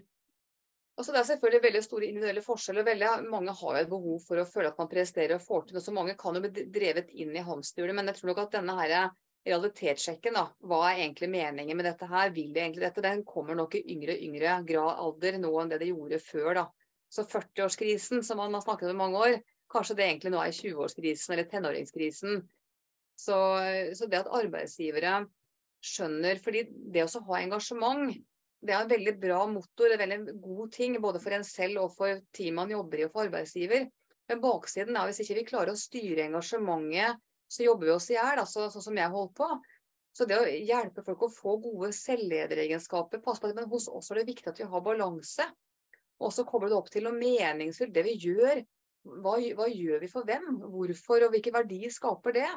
Jeg tror vi trenger det her purposen. Da. Altså hvorfor skal jeg gå på jobben? Hvorfor har jeg lyst til å gå på jobb på mandag eller komme tilbake etter ferien? Mm. Og ikke minst det. Nå er vi jo ganske kort, få uker unna sommerferien. Ja. Og hva skjer når vi får litt ferie? Da får vi pusta litt, og så får vi kjent litt. Hvordan har jeg det egentlig? Og så skrives det aller flest oppsigelser i juli og august. Er det sant? Ja. Så det er også en gyllen mulighet for ledere nå. Selv om det er travelt før sommeren, som alle opplever typisk, hvordan kobler du deg litt på de ansatte og spør hvordan har du det egentlig? Jeg har lyst til å være en best mulig leder for deg. Hvordan kan jeg bli en litt bedre leder for deg? Hva kjenner du er viktig at vi skal få til sammen når du kommer tilbake fra sommerferie? Hva skal til for at du har lyst til å være og jobbe i dette selskapet eller jobbe her i teamet hos meg? Tør jeg ha mot til å spørre om de spørsmålene? Det tror jeg er veien inn til å få lojale ansatte som har lyst til å komme på jobben og bidra. Og det er kanskje den du- viktigste samtalen man kan ha nå før sommerferien. Ja, det er eh, gode, det er gode avslutningsord. Men jeg skal ikke slippe deg helt enda. Jeg er bare litt nysgjerrig på le, altså, hvordan er kulturen blant ledere i privat sektor versus offentlig sektor? Vet du hva, det er eh, ekstremt store forskjeller. Altså eh? Så det er eh, vanskelig å sammenligne, tror jeg egentlig. Altså alle virksomheter er ulike, om det er offentlig eller privat. Og jeg personlig har jobbet for lite som ansatt i offentlig sektor. Jeg har jobbet mer inn um, som rådgiver eller konsulent. Um, jeg opplever at det er veldig travelt begge steder. Mm. Altså jeg ser et skolesystem og et helsevesen som har massivt med både sykefravær og, og turnover. Eh, Så det sier jo veldig mye om hvor stor belastning de har gått gjennom, og spesielt da pandemien har jo bidratt til at dette har vært enda tøffere.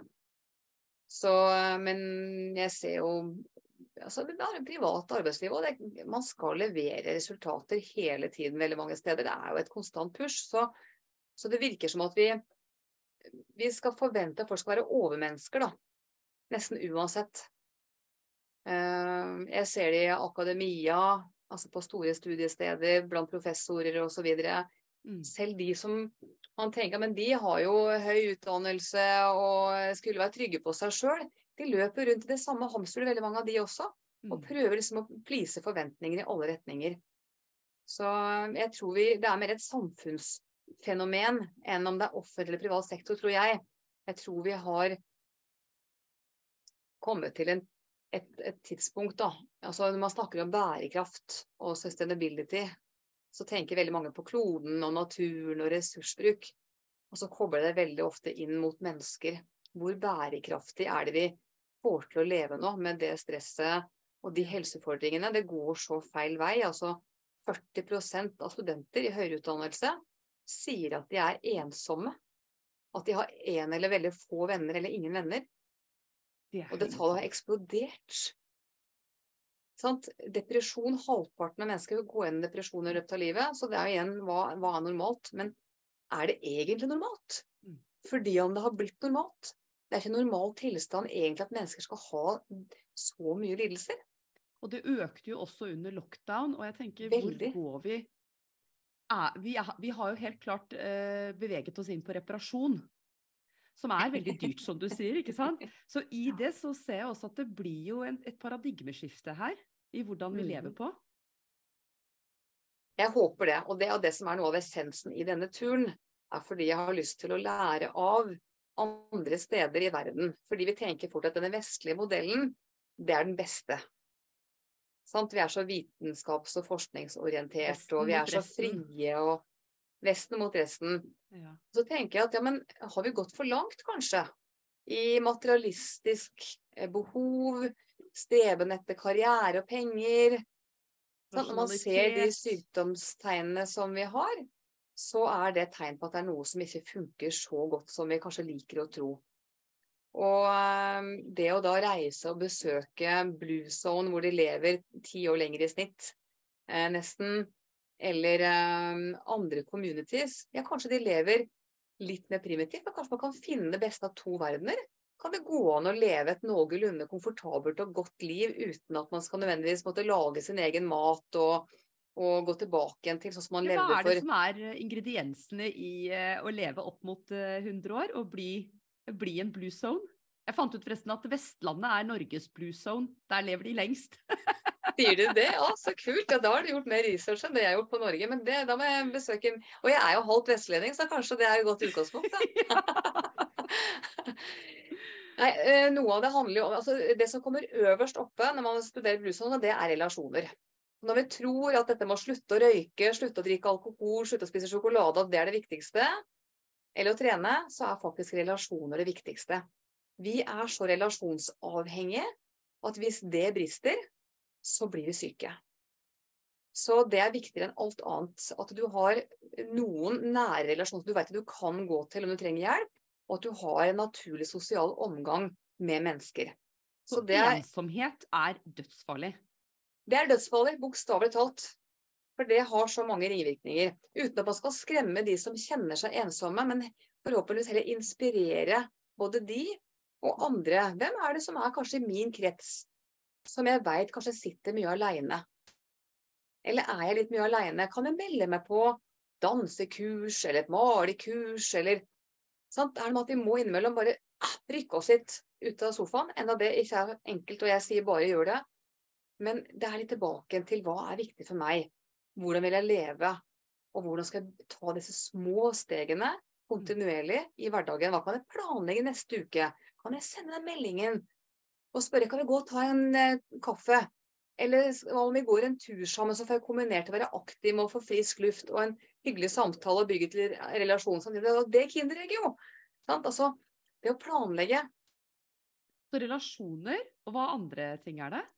Naturlig bevegelse. altså være, De trener ikke nødvendigvis sånn som vi gjør, at de skal ha blodslit i en time med vekter og løping sånn. Jeg har alltid sagt at treningsstudio, det er for spesielt interesserte. Det er ikke for hvermannsen. Så det å være naturlig aktiv sant? Nå har vi jo sant? Det at man bruker elsparkesykkel eller elsykkel, ja selvfølgelig bedre å gjøre det enn å ta bilen. Men hva med da en vanlig manuell sparkesykkel eller vanlig manuell sykkel? Eller det å gå trappa kontra å stå i rulletrappa eller stå i heisen. Så det er de naturlige hverdagsbevegelsene som er så kjedelige, men som egentlig betyr aller, aller, aller mest. Og 90% Ole Petter Gjelle, han treningslegen, sier jo, hvis jeg husker riktig, at 90% av effektene får man med bare noen få minutter om dagen. Mm. Du må ikke trene en halvtime eller en time hver dag for å, å få store helsegevinster. Så aktivitet, relasjoner De spiser jo eh, ren, naturlig mat og mye plantebasert, selv om de også spiser både kjøtt og fisk. Men vi har jo kommet til et eh, punkt i samfunnet i vestlig verden hvor vi spiser så mye sukker, prosessert og unaturlig mat. Sånn, ta en titt på innholdsfortegnelsen på det du kjøper.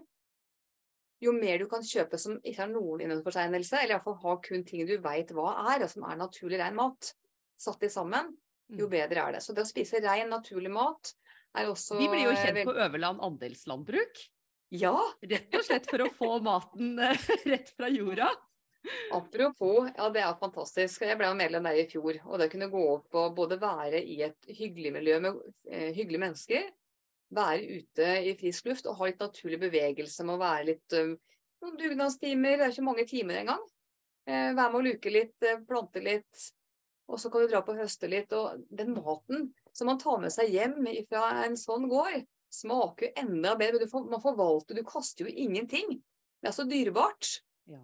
ja vi dro opp jo jordskokker som hadde overvintra, som vi hadde til middag i går. ja.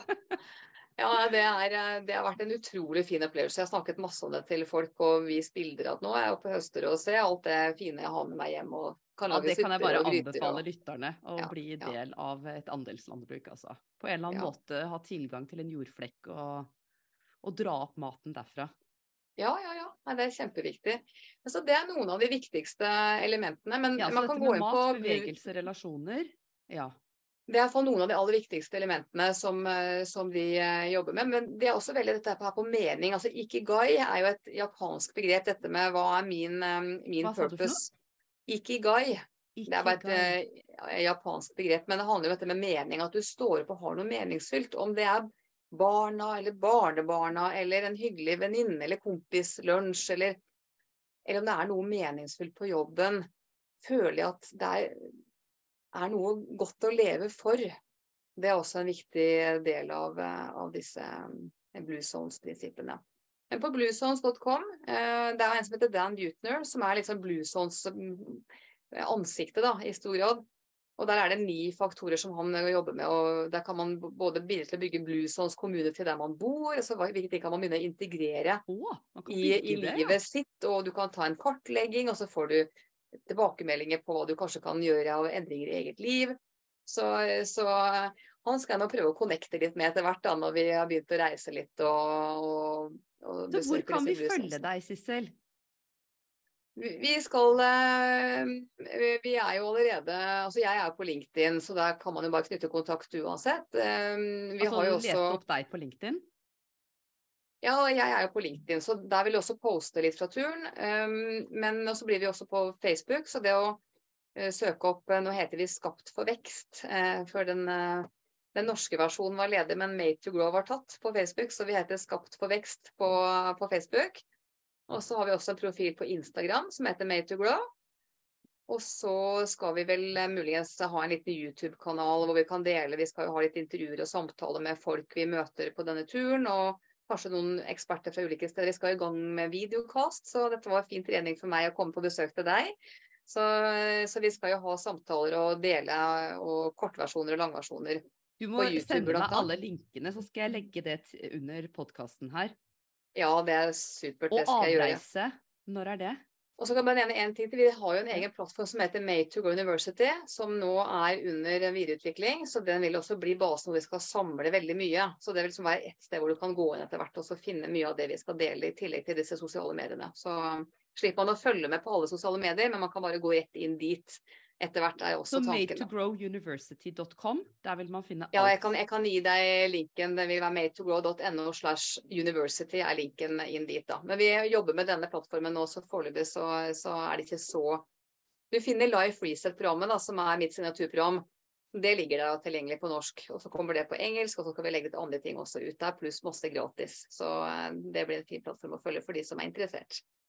Ja ja, gosh, det her er jo kjempespennende. Ja, for du sa du har hatt Life Reset 1 og Life Reset 2. Og dette er Life Reset 2.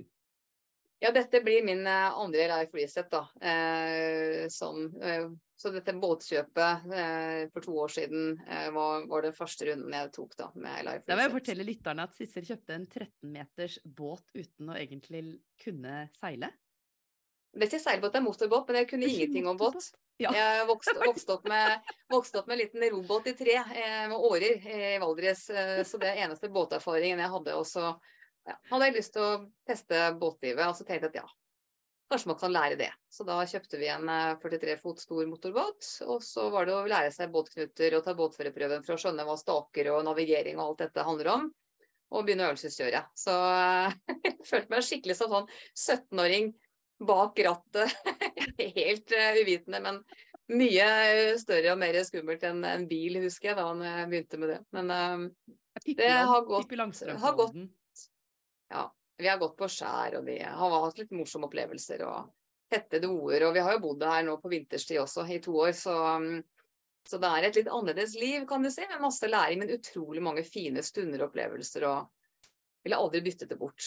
Fantastisk erfaring. Men nå skal vi nå ligger den ute for salg, så da er dette kapitlet liksom i ferd med å rundes av for denne gang. Altså båten ligger ute for salg? Ja, og leiligheten er solgt. Bilen skal selges. Vi selger alt. Så det er resten alt? på lager. Ja. Ja, men altså Altså, altså eh, Når dere kommer tilbake igjen, ja, da får vi finne oss et nytt sted å bo, da. Så får vi se hva, hvordan har vi lyst til å bo og leve da. Kanskje vi er så inspirerte av disse blue zonesene, og at vi har lyst til å skape vår egen blue zone, eller um, Kanskje dere ikke kommer tilbake igjen, rett og slett? Og jo, hun eh, minste på 11, da. Hun har sagt mamma, du må love meg at vi, vi kommer tilbake igjen. Jeg, jeg, må komme tilbake til klassen min og vennene mine. så, eh, så vi, vi, eh, gjør nok det med mindre barna selv plutselig vil noe helt annet. Så, men da er vi jo mer fleksible, fordi ja, vi har tenkt ca. ni måneders reise. Men om det blir kortere eller lengre, det er litt vanskelig å vite. Så det er noe med det, det jeg føler at dette mindset-elementet eh, er så viktig, fordi det er så utrolig mange ting i spill da, med både alt vi selger, og turen vi skal på, og det økonomiske oppi det, og risikoen med det og de noen de som skal være med oss på turen, og vi skal organisere folk vi skal møte. og mm. Så det er veldig mange ting på én gang. Eh, jeg hadde aldri vært liksom, klar til å gjøre dette et sekund tidligere. Jeg burde egentlig hatt et år til på å planlegge. Det er en ganske stor ekspedisjon. med det vi, I og med at vi kobler det opp mot Made to Grow. Det skal liksom være en, en del av det vi brenner veldig for der. da, Dette engasjementet med potensial, og sette det litt i sammenheng med ledelse og og skole og utdanning og, og livet generelt. Så, så, det er bare å kjenne at nå tar jeg egentlig bare bort alt som er fast grunn, da, både praktisk talt, men også mentalt. Mm. Nå må jeg virkelig stole på at jeg har de ressursene i meg og at de problemer vi møter Ja, så er du ikke en på som bare preiker, ikke sant? Du lever det du lærer bort. Jeg, jeg prøver jo, da. Eh. Men det er jo sånne som deg, da, som heier og støtter og gir sånne tilbakemeldinger. Det fuler jo veldig en, en drøm, det også. Sant? Eh, jeg husker for ganske mange år siden, jeg var ganske nylig ferdig med denne masteren min og hadde kommet over growth mindset-forskningen og begynte å brenne veldig for dette med skole og hvordan kan elever komme bedre igjennom. Altså ref min egen skolereise og, og sånn. Jeg har jo tenkt ofte på hvordan ville ting ha vært hvis jeg hadde gjort ting litt annerledes, da, eller hatt denne troen på meg selv osv. Hvordan kan jeg bidra med et eller annet inn i skolen? Hva er likt liksom mellom gode ledere på jobb, med de gode lærerne i klasserommet? Hva er likt med de gode arbeidsmiljøene, med de gode læringsmiljøene? Fordi vi er mennesker som trenger mange av de samme tingene uansett arena. Det var min hypotese. Og det ble bakgrunnen for det forskningsprosjektet som jeg og en partner som jeg studerte med, tok og gjorde da, som ble det første norske Growth Mindset forskningsprosjektet tilbake i 2015. Så, så, så, det har liksom vært en sånn fantastisk reise. Og, og det å bygge dette mindsettet og, og, klare liksom å stå i denne usikkerheten, da. Og, og, prøve å praktisere det jeg snakker om, blir veldig viktig. Men poenget mitt er at helt i starten der, når jeg gikk med drømmen om at kanskje jeg kan bidra med noe ut til skolen, jeg hadde ikke sagt det til noen. Og så er vi en gjeng jenter ute og spiser og går på en bar her i Oslo, og så jeg sitter og prater med en fyr. Og så, og så sier han liksom ute i samtalen Hva er det du drømmer om, Sissel? Jeg liksom bare Oh gosh.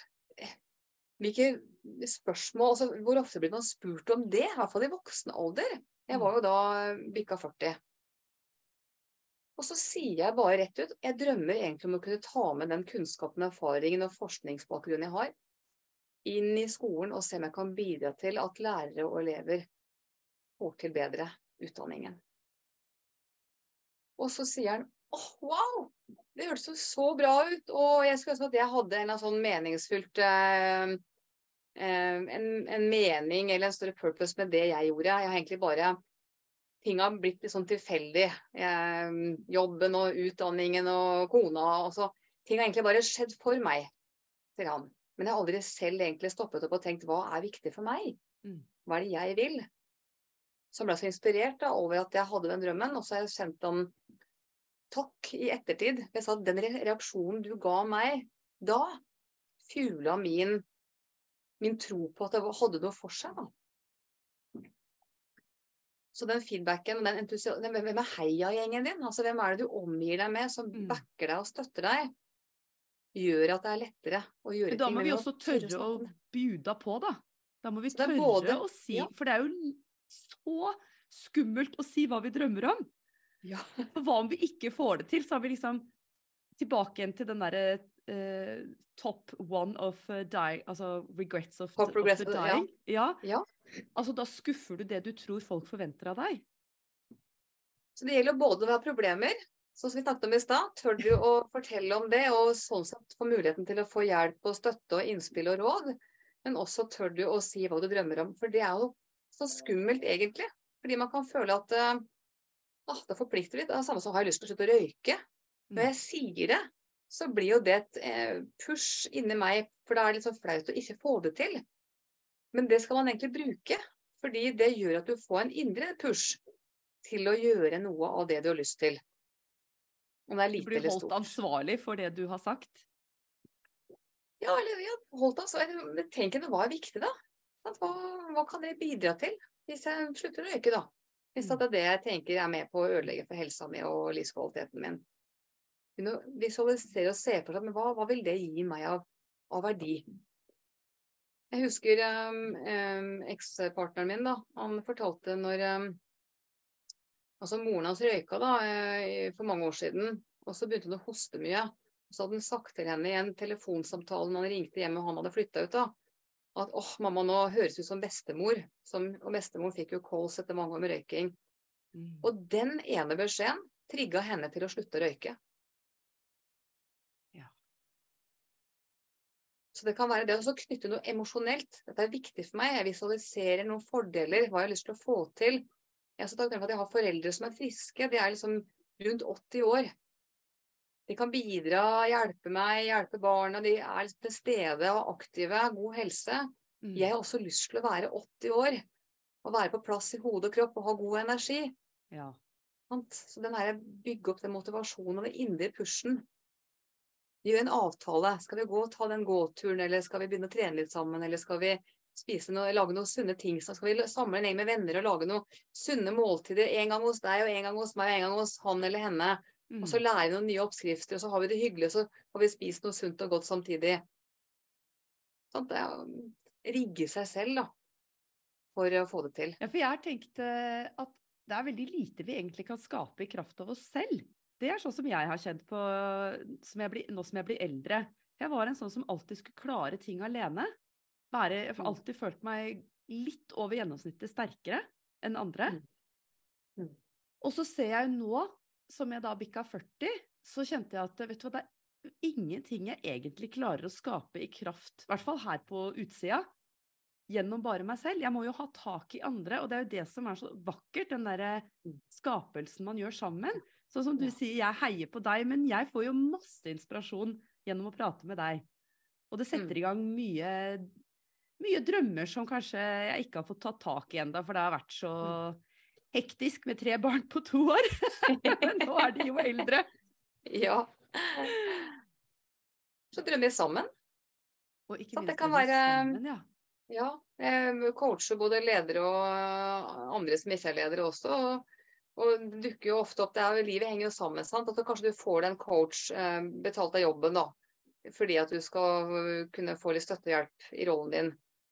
Og så kommer man veldig fort inn på at så kanskje det er noe som er litt vanskelig på hjemmebanen. da, Om det er med partneren eller med barna, eller så er det noe med helsa eller hva det er for noe. Og da ser man hva man tar ta med det her livshjulet som jeg veldig ofte bruker med folk. Hva er det som Langt er i det livshjulet? Ja, der er det mening, selvfølgelig. Det er eh, relasjoner. Det er dette med læring og utvikling. Det er det å ha det gøy. Fysisk helse. Psykisk helse. Eh, reise, eller interesser. Og så er det materialistiske ting. Så det er de åtte som jeg bruker i livshjulet. Så omskaper jeg ofte hjulet til karrierehjulet. Og da ser vi på, okay, for deg, May-Lise, jobben og rollen du har, hva er de kanskje åtte tingene, det må ikke være åtte, man kan dele ned færre eller flere kakestykker om man vil det dette hjulet. Men hva er da de viktigste, si åtte områdene, for at du skal få til din karriere bra? Og det er fortsatt relasjoner er viktig, så det kan man ta med seg fra livshjulet. Det med god helse er fortsatt viktig for at du skal kunne ha god energi og yteevne og kunne prestere godt over tid. Um, det å kunne være god på å lede deg selv kan være viktig. Um, så, så da fyller man inn hva er viktig. Og du kan ta med deg hjem til partneren din, mannen din, og si OK, jeg har lyst til at vi skal få til å, å, å ha et godt kjæresteforhold, et godt parforhold, også når vi er 70 år. Hva trenger vi å ha fokus på? Hvordan, hvordan ville han satt opp sitt hjul? Hva, hvilke åtte områder ville han valgt å sette, sette inn der? Og så kan du gjøre det samme for deg. Hva er de åtte du ville lagt vekt på? Og så kan dere se ok, hva er likt og hva er kanskje ulikt, så kan man lage ett i sammen ut fra det. Og så kan man da tørre, da. Være litt modig, for det er også en viktig side til å være litt modig og ærlig med seg selv og hverandre. Ok, så på en skala fra én til ti, hvor bra er det med kommunikasjon f.eks., som er veldig viktig i egentlig alle relasjoner, både parforhold og på jobben. Og så sier kanskje du ja, det syns jeg egentlig er en, en sjuer. Vi er ganske flinke, og vi har den der vinen på fredagskvelden og sånn. Og så sier kanskje han ja, jeg er litt usikker på det, for jeg kjenner liksom at det er ting ikke vi helt får snakka om, eller altså hva med, Nå bare finner jeg opp noe sånt. Så får man avstemt det. Men hvordan ville da en tier ha sett ut? Hva er god kommunikasjon for deg? Hva er god kommunikasjon for han? Hva trenger vi å gjøre da, når vi har tegnet opp liksom, eller beskrevet hvordan er en tier på hver av disse områdene? Og så snakke om hva, hva er da Jeg beklager den dunkinga. Jeg har tre marsvin i bur ved siden av. Jeg vet ikke om du hører, hører det, men de sitter, å nei, de sitter og gnager. De vil, de vil ha litt lunsj, kanskje, de òg? Ja, det er kanskje jeg som hører det bedre enn deg. Ja, jeg hører ingenting. Nei. Så, og da kan man altså stake ut hva vi da har lyst til å gjøre. Hva er kanskje én ting vi kan gjøre for å begynne å jobbe for å få det litt bedre. Så det er litt sånn Hvor er jeg nå? På godt og vondt. Hvor har jeg lyst til å være? Sett ett år, en måned eller ti år, eller hvilke Du kan gjerne jobbe ofte med ulike perspektiver også, for at du kan ha både kortsiktig og langsiktig perspektiv. Og så sette opp hva er da viktig, hva skal jeg da gjøre i dag? Hva kan jeg begynne med da? Det er jo veldig gode verktøy, rett og slett bare for å også gå inn i en sånn derre For hverdagen og livet er jo så svært, ikke sant, så det er jo helt Ja. konkret hva man kan Ja. begynne med. Ja, ja. Så det var jo drømmen da med å bygge Metro, var jo å lage dette digitalt, slik at det skal bli tilgjengelig for, eh, for mange. Men betyr det at har- da kan folk eh, kjøpe et kurs av deg? Er det det som da Ja. er resultatet? Ja da, vi har jo eh, en app som heter Made to Grow, som er tilgjengelig i Norge eh, på norsk. Og um, den ligger i Google Ikke App too good to throw, men eh, Nei, og ikke Too Good To Go. Det er masse gode apper, men vi good to heter go, var det. ja. Eh, Så vår heter da det som firmaet heter Made to Grow, og ligger da i Google Play App Store. Og der har vi nå i overkant av 50 digitale programmer. Så det er sånn, eh, sånn eh, personen utvikler-app som du kan ha i lomma og plukke fram en video, og noen refleksjonsoppgaver og litt forskjellige, både meditasjon og visualisering. Altså alt dette jeg snakket om nå ligger der. Ja, det skal jeg inn og sjekke. Det visste jeg ikke. At du har jo vært You've been busy. Ja, det har vært veldig gøy da, igjen når man eh, kjenner at det er energigivende og, og meningsfylt. Så eh, ja, nei, så jeg syns at det er gøy å, å, å dele. Jeg tror det er derfor vi er her alle sammen. Jeg tror vi har gått gjennom livets vanskeligheter for en grunn. Kanskje det er noen av de gavene vi kan bidra med videre. Og det var jo en ting jeg spora opp på i stad, for å ta det veldig kort. Hun eneste som har gått på kurs hos meg i vinter. Jeg har jo kurs vi kombinerer det digitale da, inn med workshops, samlinger i en eller annen Man kan jobbe bare digitalt, så vi har forskjellige hybride varianter av det. Men hun har gått i program hvor vi har hatt fem hele dager med samlinger, sånn type én samling i måneden. Og så har hun brukt appen imellom, eh, imellom hver samling, og så har jeg webinar i tillegg eh, imellom samlingene. Og etter første samling da hvor jeg snakket om denne gaven fra universet, som jeg tok det i forbindelse med å fortelle om at uh, eldste min eh, hadde vært syk og sånn. Og så sier hun, hun kom på samling to, så jeg vet hva jeg selv, jeg må bare si at jeg har egentlig vært skikkelig provosert. Fordi du snakket om denne gaven fra universet når du får et problem. Jeg har fått kreftdiagnosen, jeg, skjønner du, siden vi møttes sist. Og det føltes ikke så veldig mye som en gave fra universet, akkurat. Og så sier hun, vet du hva, jeg har skjønt at det er faktisk akkurat det det er. Fordi jeg har i så mange år slitt på å ta tak i helsa mi. Jeg har vært, eh, hatt noen kilo for mye i mange år. Jeg stresser og jobber for mye. Jeg spiser for usunt. Jeg er for lite aktiv. Så jeg tar dårlig vare på helsa mi, og nå har jeg fått kreft. Og det jeg har skjønt gjennom det vi har begynt med programmet her, er at jeg kan påvirke mye min egen helse. Så, og hun har nå gjort noen av de grepene som gjør at hun kanskje nå slipper både operasjon og strålebehandling og cellegift. Fordi hun har endret fullstendig på kosthold. Tatt bort alt av sukker bl.a. Tatt bort alt av prosessert mat. Hun driver med kuldeterapi, som er også forskningsbasert. Det er å dusje i kaldt vann ett minutt om morgenen. Eller ta et kaldt bad i sjøen på vinteren. Mm. Eller i et vann. Jeg også har begynt med det. Ba Eh, Til isbader. Til og med altså depresjon har, har det stor, god effekt på med kuldeterapi. Mm. Så hun har, hun har tatt noen sånne grep. Og Og hun og står hun, hun er i full jobb. Ja. Hun er i full jobb. Og det jeg syns er så utrolig trist og veldig veldig vanskelig og frustrerende, er hvor mye vi egentlig er i stand til å ta vare på helsa vår. Og så er ikke samfunnet og systemet rigget for den naturlige disposisjonen kroppen egentlig har til å være frisk eller bli frisk. Vi skal ha quick-fixene som kanskje er i form av en pille eller noe medisinsk behandling. Og ja, vi trenger det òg. Men det er ikke tid til å bli frisk, for det, det krever jo å bli frisk på en mer organisk måte. Jo, men hva er mest effektivt, da? Fordi at kanskje da den strålebehandlingen Nå skal jeg ikke si folk kan ta strålebehandling og operasjon, altså dette, dette er jo eh, altså veldig individuelt og veldig ulikt. Men det å vite at ja, det er et behandlingsløp man kan få i, det, i helsevesenet, men så er det også mye du kan gjøre sjøl. Altså ref når Iris ble veldig syk. Hva gjør man også selv for å forsterke? Ja, for jeg tenker En kombinasjon er jo fantastisk, for da tar du ansvar også. ikke sant? Det er ikke bare det at du blir reparert, og så bom, kan du falle tilbake igjen. Nettopp. Men du står der og tar personlig ansvar i tillegg. For det er der tiden kommer inn, da. Skal jeg ha den quick-fixen med liksom denne umiddelbare behandlingen som kanskje tar bort et eller annet symptom, da. Om det er kreft eller noe annet. Eller tar jeg faktisk tak i roteårsakene? Hva er grunnen til at jeg har fått dårlig helse i første omgang? Og nå sier jeg ikke at alle sykdommer er selvforskyldt. Altså, vi har med oss både traumer og opplevelser fra barndommen og stress og liv. Og det er så mange ting som påvirker til bare om du spiser sunt eller trener nok eller sover nok. Det er også så mange emosjonelle faktorer som er minst like viktige. Mm. Så vi er ikke nødvendigvis skyld i at vi blir syke. Men vi har iallfall en mulighet til å påvirke Mm. om vi skal bli friske, og hvor fort. Eller om vi Det er viktig det du sier der, for da tror jeg du kan omforme det og se det som en, en gave. Når du tar vekk skyld, det skyldaspektet. ikke sant? Dette kunne skjedd hvem som helst, men det skjedde meg. Ja. Hvordan håndterer jeg det? Og det var jo det når Iris også ble syk, Nå kommer jeg mye tilbake, men det er et eksempel da, som er lett å, å illustrere ved. Eh, Jeg tenkte mye at dette er sikkert min skyld, for at jeg har vært så opptatt av at vi skal spise sunt, og vi skal trene og være aktive, og, og kjase og mase mye rundt helse. Og jeg brukte vel kanskje én dag på å gå og banke meg selv opp mentalt, og tenke at dette her sikkert er mye min skyld. Men hjelper det henne? Hjelper det meg? Nei.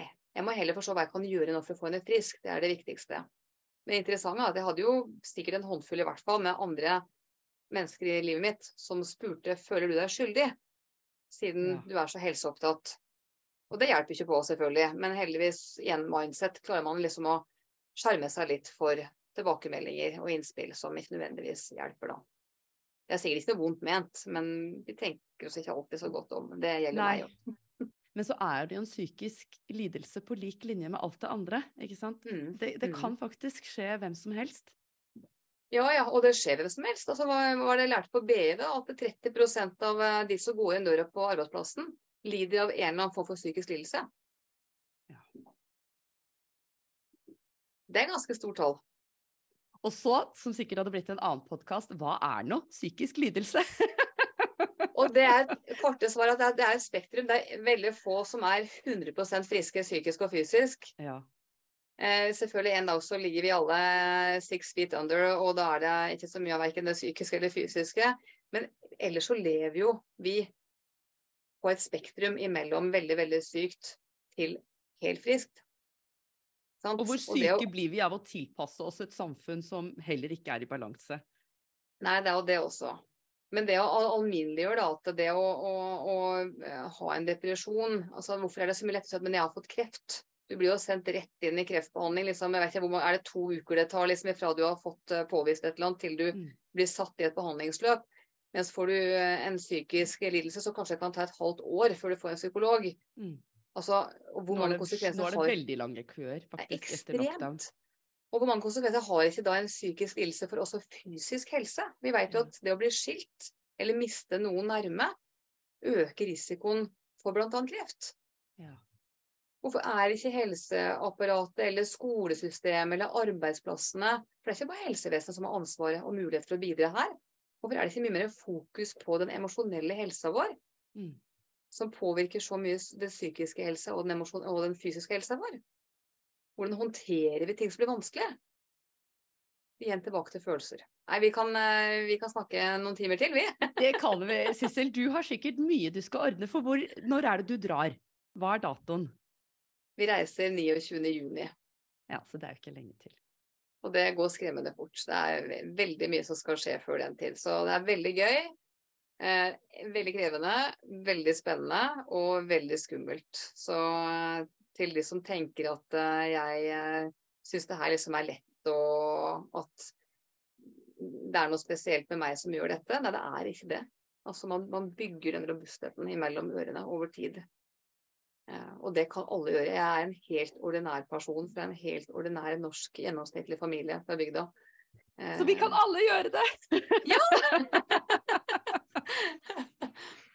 Kjenn på hva du har lyst til. Hva vil jeg, hva trenger jeg? Hva gir meg en god dag, hva gir meg en god helg, hva gir meg en god sommerferie eller juleferie, hva gir meg et godt liv? Sant? Men det begynner med å starte med hva gjør, hva kan gjøre dagen min i dag bra? Jeg tror vi skaper livskvalitet i de små stegene over tid. Tusen takk for praten, Sissel. I like måte. Og det er så fantastisk at du gjør den jobben du gjør, og deler eh, med mange. Eh, alle de du har som gjest på podkasten din. Ja, men du, det er fordi at dette her, denne podkasten ble til nettopp som en sånn uh, forum hvor jeg henter inn folk som jeg uh, blir inspirert av og vil heie på.